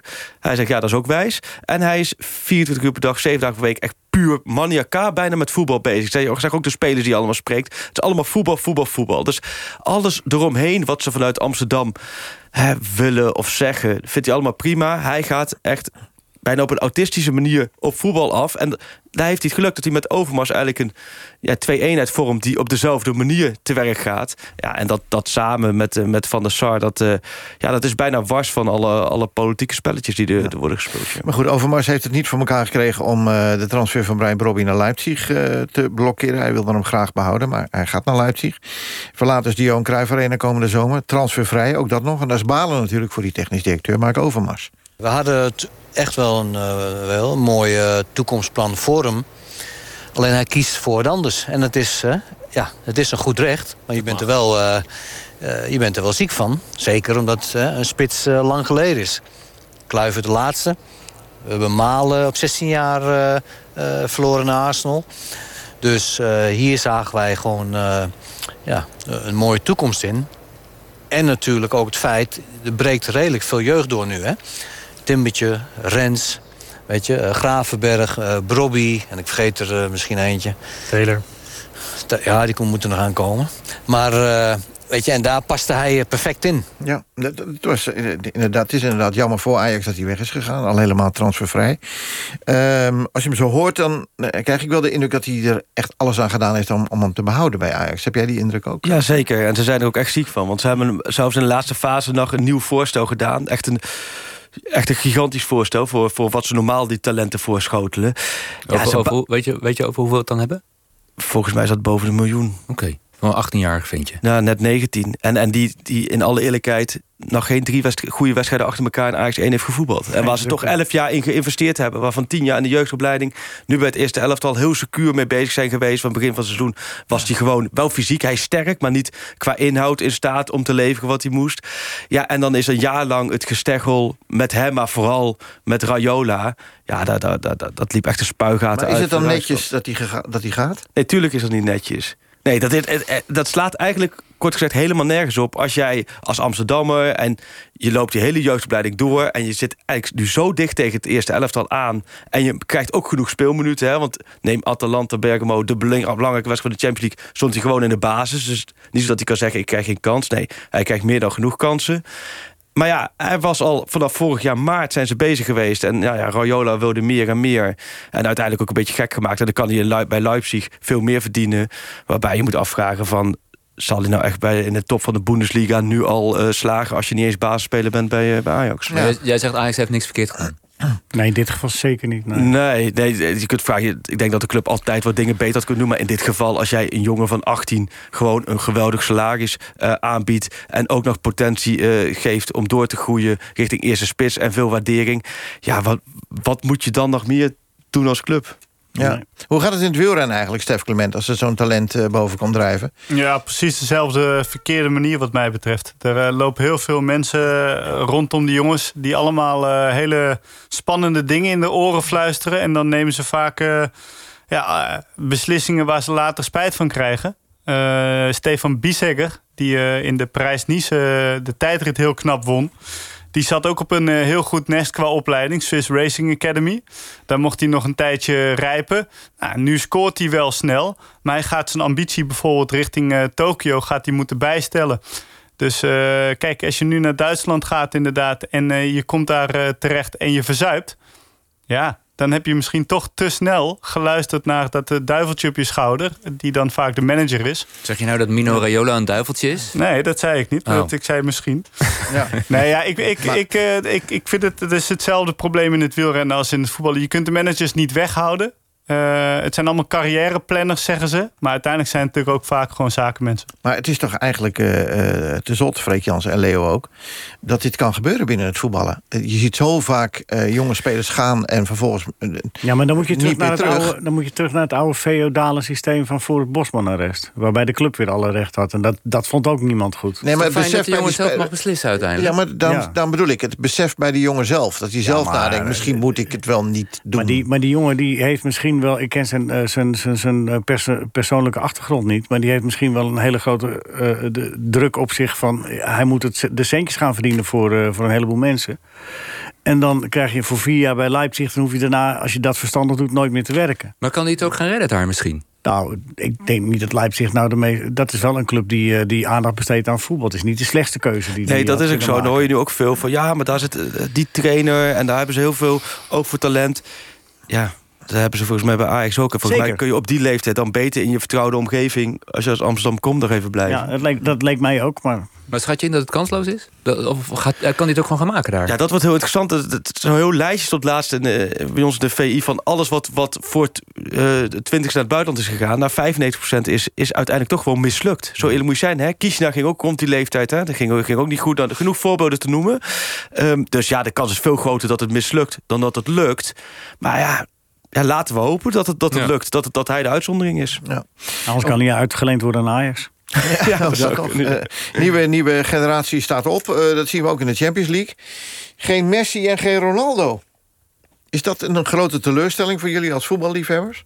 Mag ik Nou. met Stef beginnen? Stef, jij volgt ook de Champions League ongetwijfeld als voetballiefhebber. Ja, maar dit zijn weer van die lijstjes. Die vind ik mooi inderdaad. Dat, eh nou ja, goed. Ik, ik, Ronaldo vond ik dan wel mooi hoe hij dan inderdaad dit weekend dan reageert daarop. Weet je, en dat, dat is wel, je hebt dat soort jongens natuurlijk wel nodig voor, Hoe voor de hij? sport. Door- Ah, door drie keer te scoren Door drie 20 keer te scoren ja, en, ja. en dan gewoon niks meer te zeggen. Ja, ja. Leo, eh, ga, je, ga je ze missen? Het was een perfect hat-trick, hè, zelfs van eh, Ronaldo. Ja, zeker. De zevende perfect hat-trick. Ja, maar- Rechterhoofd, eh, rechterhoofd, eh, linkerhoofd, nee, eh, rechterbeen, linkerbeen. en Maar wordt het minder interessant? eh, Nee, er staan nieuwe wel, er generatie. staan alles wel en- weer ander op. En, en wat het wel mooi is, als zij nog een beetje eergevoel en eh, vooral kracht in, in, in donder hebben, dan willen ze dat nog wel weer een keer vol seizoen weer laten zien. Ja, en Mbappé en Haaland. hebben Mbappé, bij. Haaland, dat wordt echt... Het kan de nieuwe... Zou in potentie... Nieuw Ze Messi... die Haaland helemaal totaal niet op een voetballer lijken eigenlijk. Als ik dat even mag eh, opmerken. hij schopt ze erin, daar gaat het om. Eh, wat, en je hebt weer nieuws, begrijp Laatste ik? nieuws. Ja, ja weer vanuit Limburg. Dat, eh, onze, jouw Jay Driessen, die, heeft dit, eh, die mag waarschijnlijk één keer voor de groep staan. Want ik, wat er nu staat, is dat vanaf komende woensdag... idealite Jos Luhukai Ja, voor de die groep naam staat. die en dat een nieuwe ja. trainer Ja. wordt voor VV. Dus toen j- jullie net opmerkten van waar blijft die nieuwe trainer... toen hebben ze, zijn ze meteen aan de slag zijn fellow Hij doorgepakt. heeft toch eerder daar gezeten, volgens mij, Lukai? Of of vergis ik me nou? Ja, hij heeft Luhukai liever daar gespeeld vroeger als... eh, Ja, ja, hij heeft Ah. een hele lange carrière in het buitenland gehad. Hè. Heel veel clubs gehad. Ik ga even melden, eh, in Duitsland volgens mij. eh, Ja, in Engeland lang. Ja. Ehm, dat Barcelona met 4-1 heeft gewonnen van eh Huesca. Dat is de nummer laatst volgens mij in, in, in, in Spanje. Twee doelpunten van Messi. Die eerste is echt eh, schitterende goal in de kruising. Ehm, de Jong in de basis werd wel gewisseld. Een gat met koploper Atletico is nu nog maar vier punten. En dan in de Premier League Wolverhampton tegen Liverpool. Volgens mij is dat net afgelopen. Staat 0-1, ze zijn nog Oh, bezig. Nog niet? Oh nee, 0-1. Bijna afgelopen. Tussenstand. Veel blessuretijd omdat de keeper van Wolverhampton... eh, na vervelende botsing moest worden gestabiliseerd. Wijnaldum was In de aanvoerder. keukenkampioen-divisie. Ja, NEC Volendam 1-0. Jong Utrecht, Jong PSV 1-6. En Jong AZ tegen Jong Ajax 2-1. De laatste man. Bijna 11 uur. Het laatste woord is aan Diederik. Ja, vandaag is de definitieve selectie bekendgemaakt... waarmee Jong Oranje zal afreizen naar het EK onder 21... later deze maand in Hongarije en Slovenië. Eh, er zitten wel een paar verrassende namen bij de selectie. Jasper van Dijk bijvoorbeeld, Chris van Dam... maar ook Roelof Bisschop, Jan Paternotte, Pieter Heerma... eh, Barry Matlener, Wiebren van Haga, Renske Leijten... Esther Ouwehand, Rob Jette... Martin Bosma, Sylvana Simons, Kees van der Staaij. Ja, ik moet er misschien even bij zeggen. Het zijn dus, eh, ehm, en nou ja, dat was vanmiddag eigenlijk na een paar uur al duidelijk... eh, dat eh, wat de UEFA binnen heeft gekregen... dat zijn zeer waarschijnlijk briefstemmen van 70-plussers geweest. Die enveloppen die zijn naar het verkeerde adres gestuurd. Er zijn gewoon heel veel dingen misgegaan. En ja, administratief kun je daar dan niet meer onderuit. Eh, dus bondscoach Erwin van der Looy zal het met deze mensen moeten gaan doen... op het EK onder 21. Ja, dat is weer goed. Dankjewel Leo Driessen. Dankjewel eh Freek Jansen. En dankjewel Stef Clement. Dankjewel. jullie goed? Dankjewel Robert Meder. Dankjewel eh Thijs van der Beek. Zometeen eh, met het oog op morgen met eh, Chris Keijnen. Ja, zeker. Veel plezier. Goed, wat mij betreft tot morgen.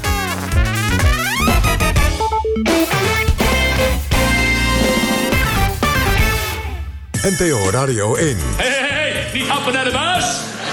Cabaretier Bert Visser denkt met weemoed terug aan zijn beginjaren in het theater. Wat een rare man. Waarbij ongeveer alles misging. Oh, dat kan die gekke Bert. Luister naar Kunststof. Ja, wist je niet, hè?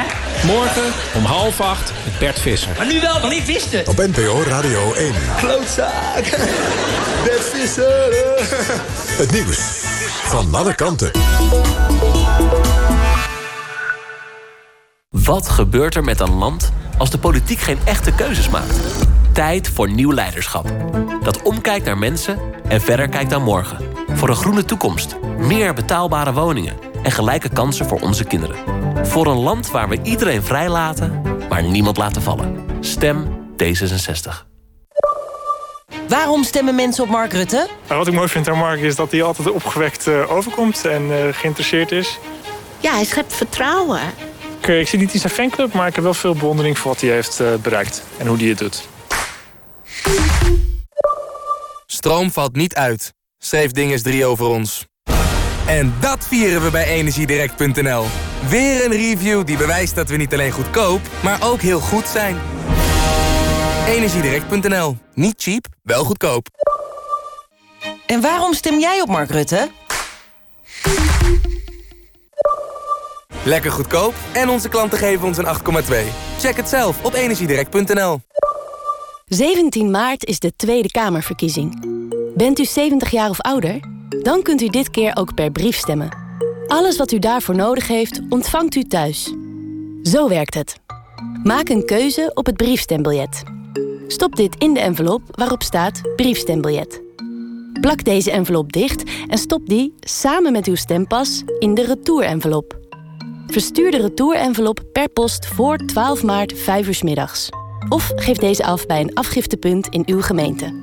Meer weten? Kijk op elkestemtelt.nl of bel 0800 1351. Denk aan al die jonge klimaatstakers als je gaat stemmen. Aan hun toekomst. Kies partij. Voor de dieren. Plan B. Partij voor de dieren. Beleggen in vastgoed en een financier nodig bij wie u wel kunt groeien? RNHB financiert commercieel vastgoed, woonwinkelpanden, verbouwingen, herfinancieringen, logistiek vastgoed, verhuurwoningen, kantoren, studentenwoningen. Dit en nog veel meer kun je natuurlijk ook even rustig teruglezen op rnhb.nl slash meerwaarde. RNHB, de vastgoedfinancier van Nederland. Let op, geld lenen kost geld. NPO Radio 1.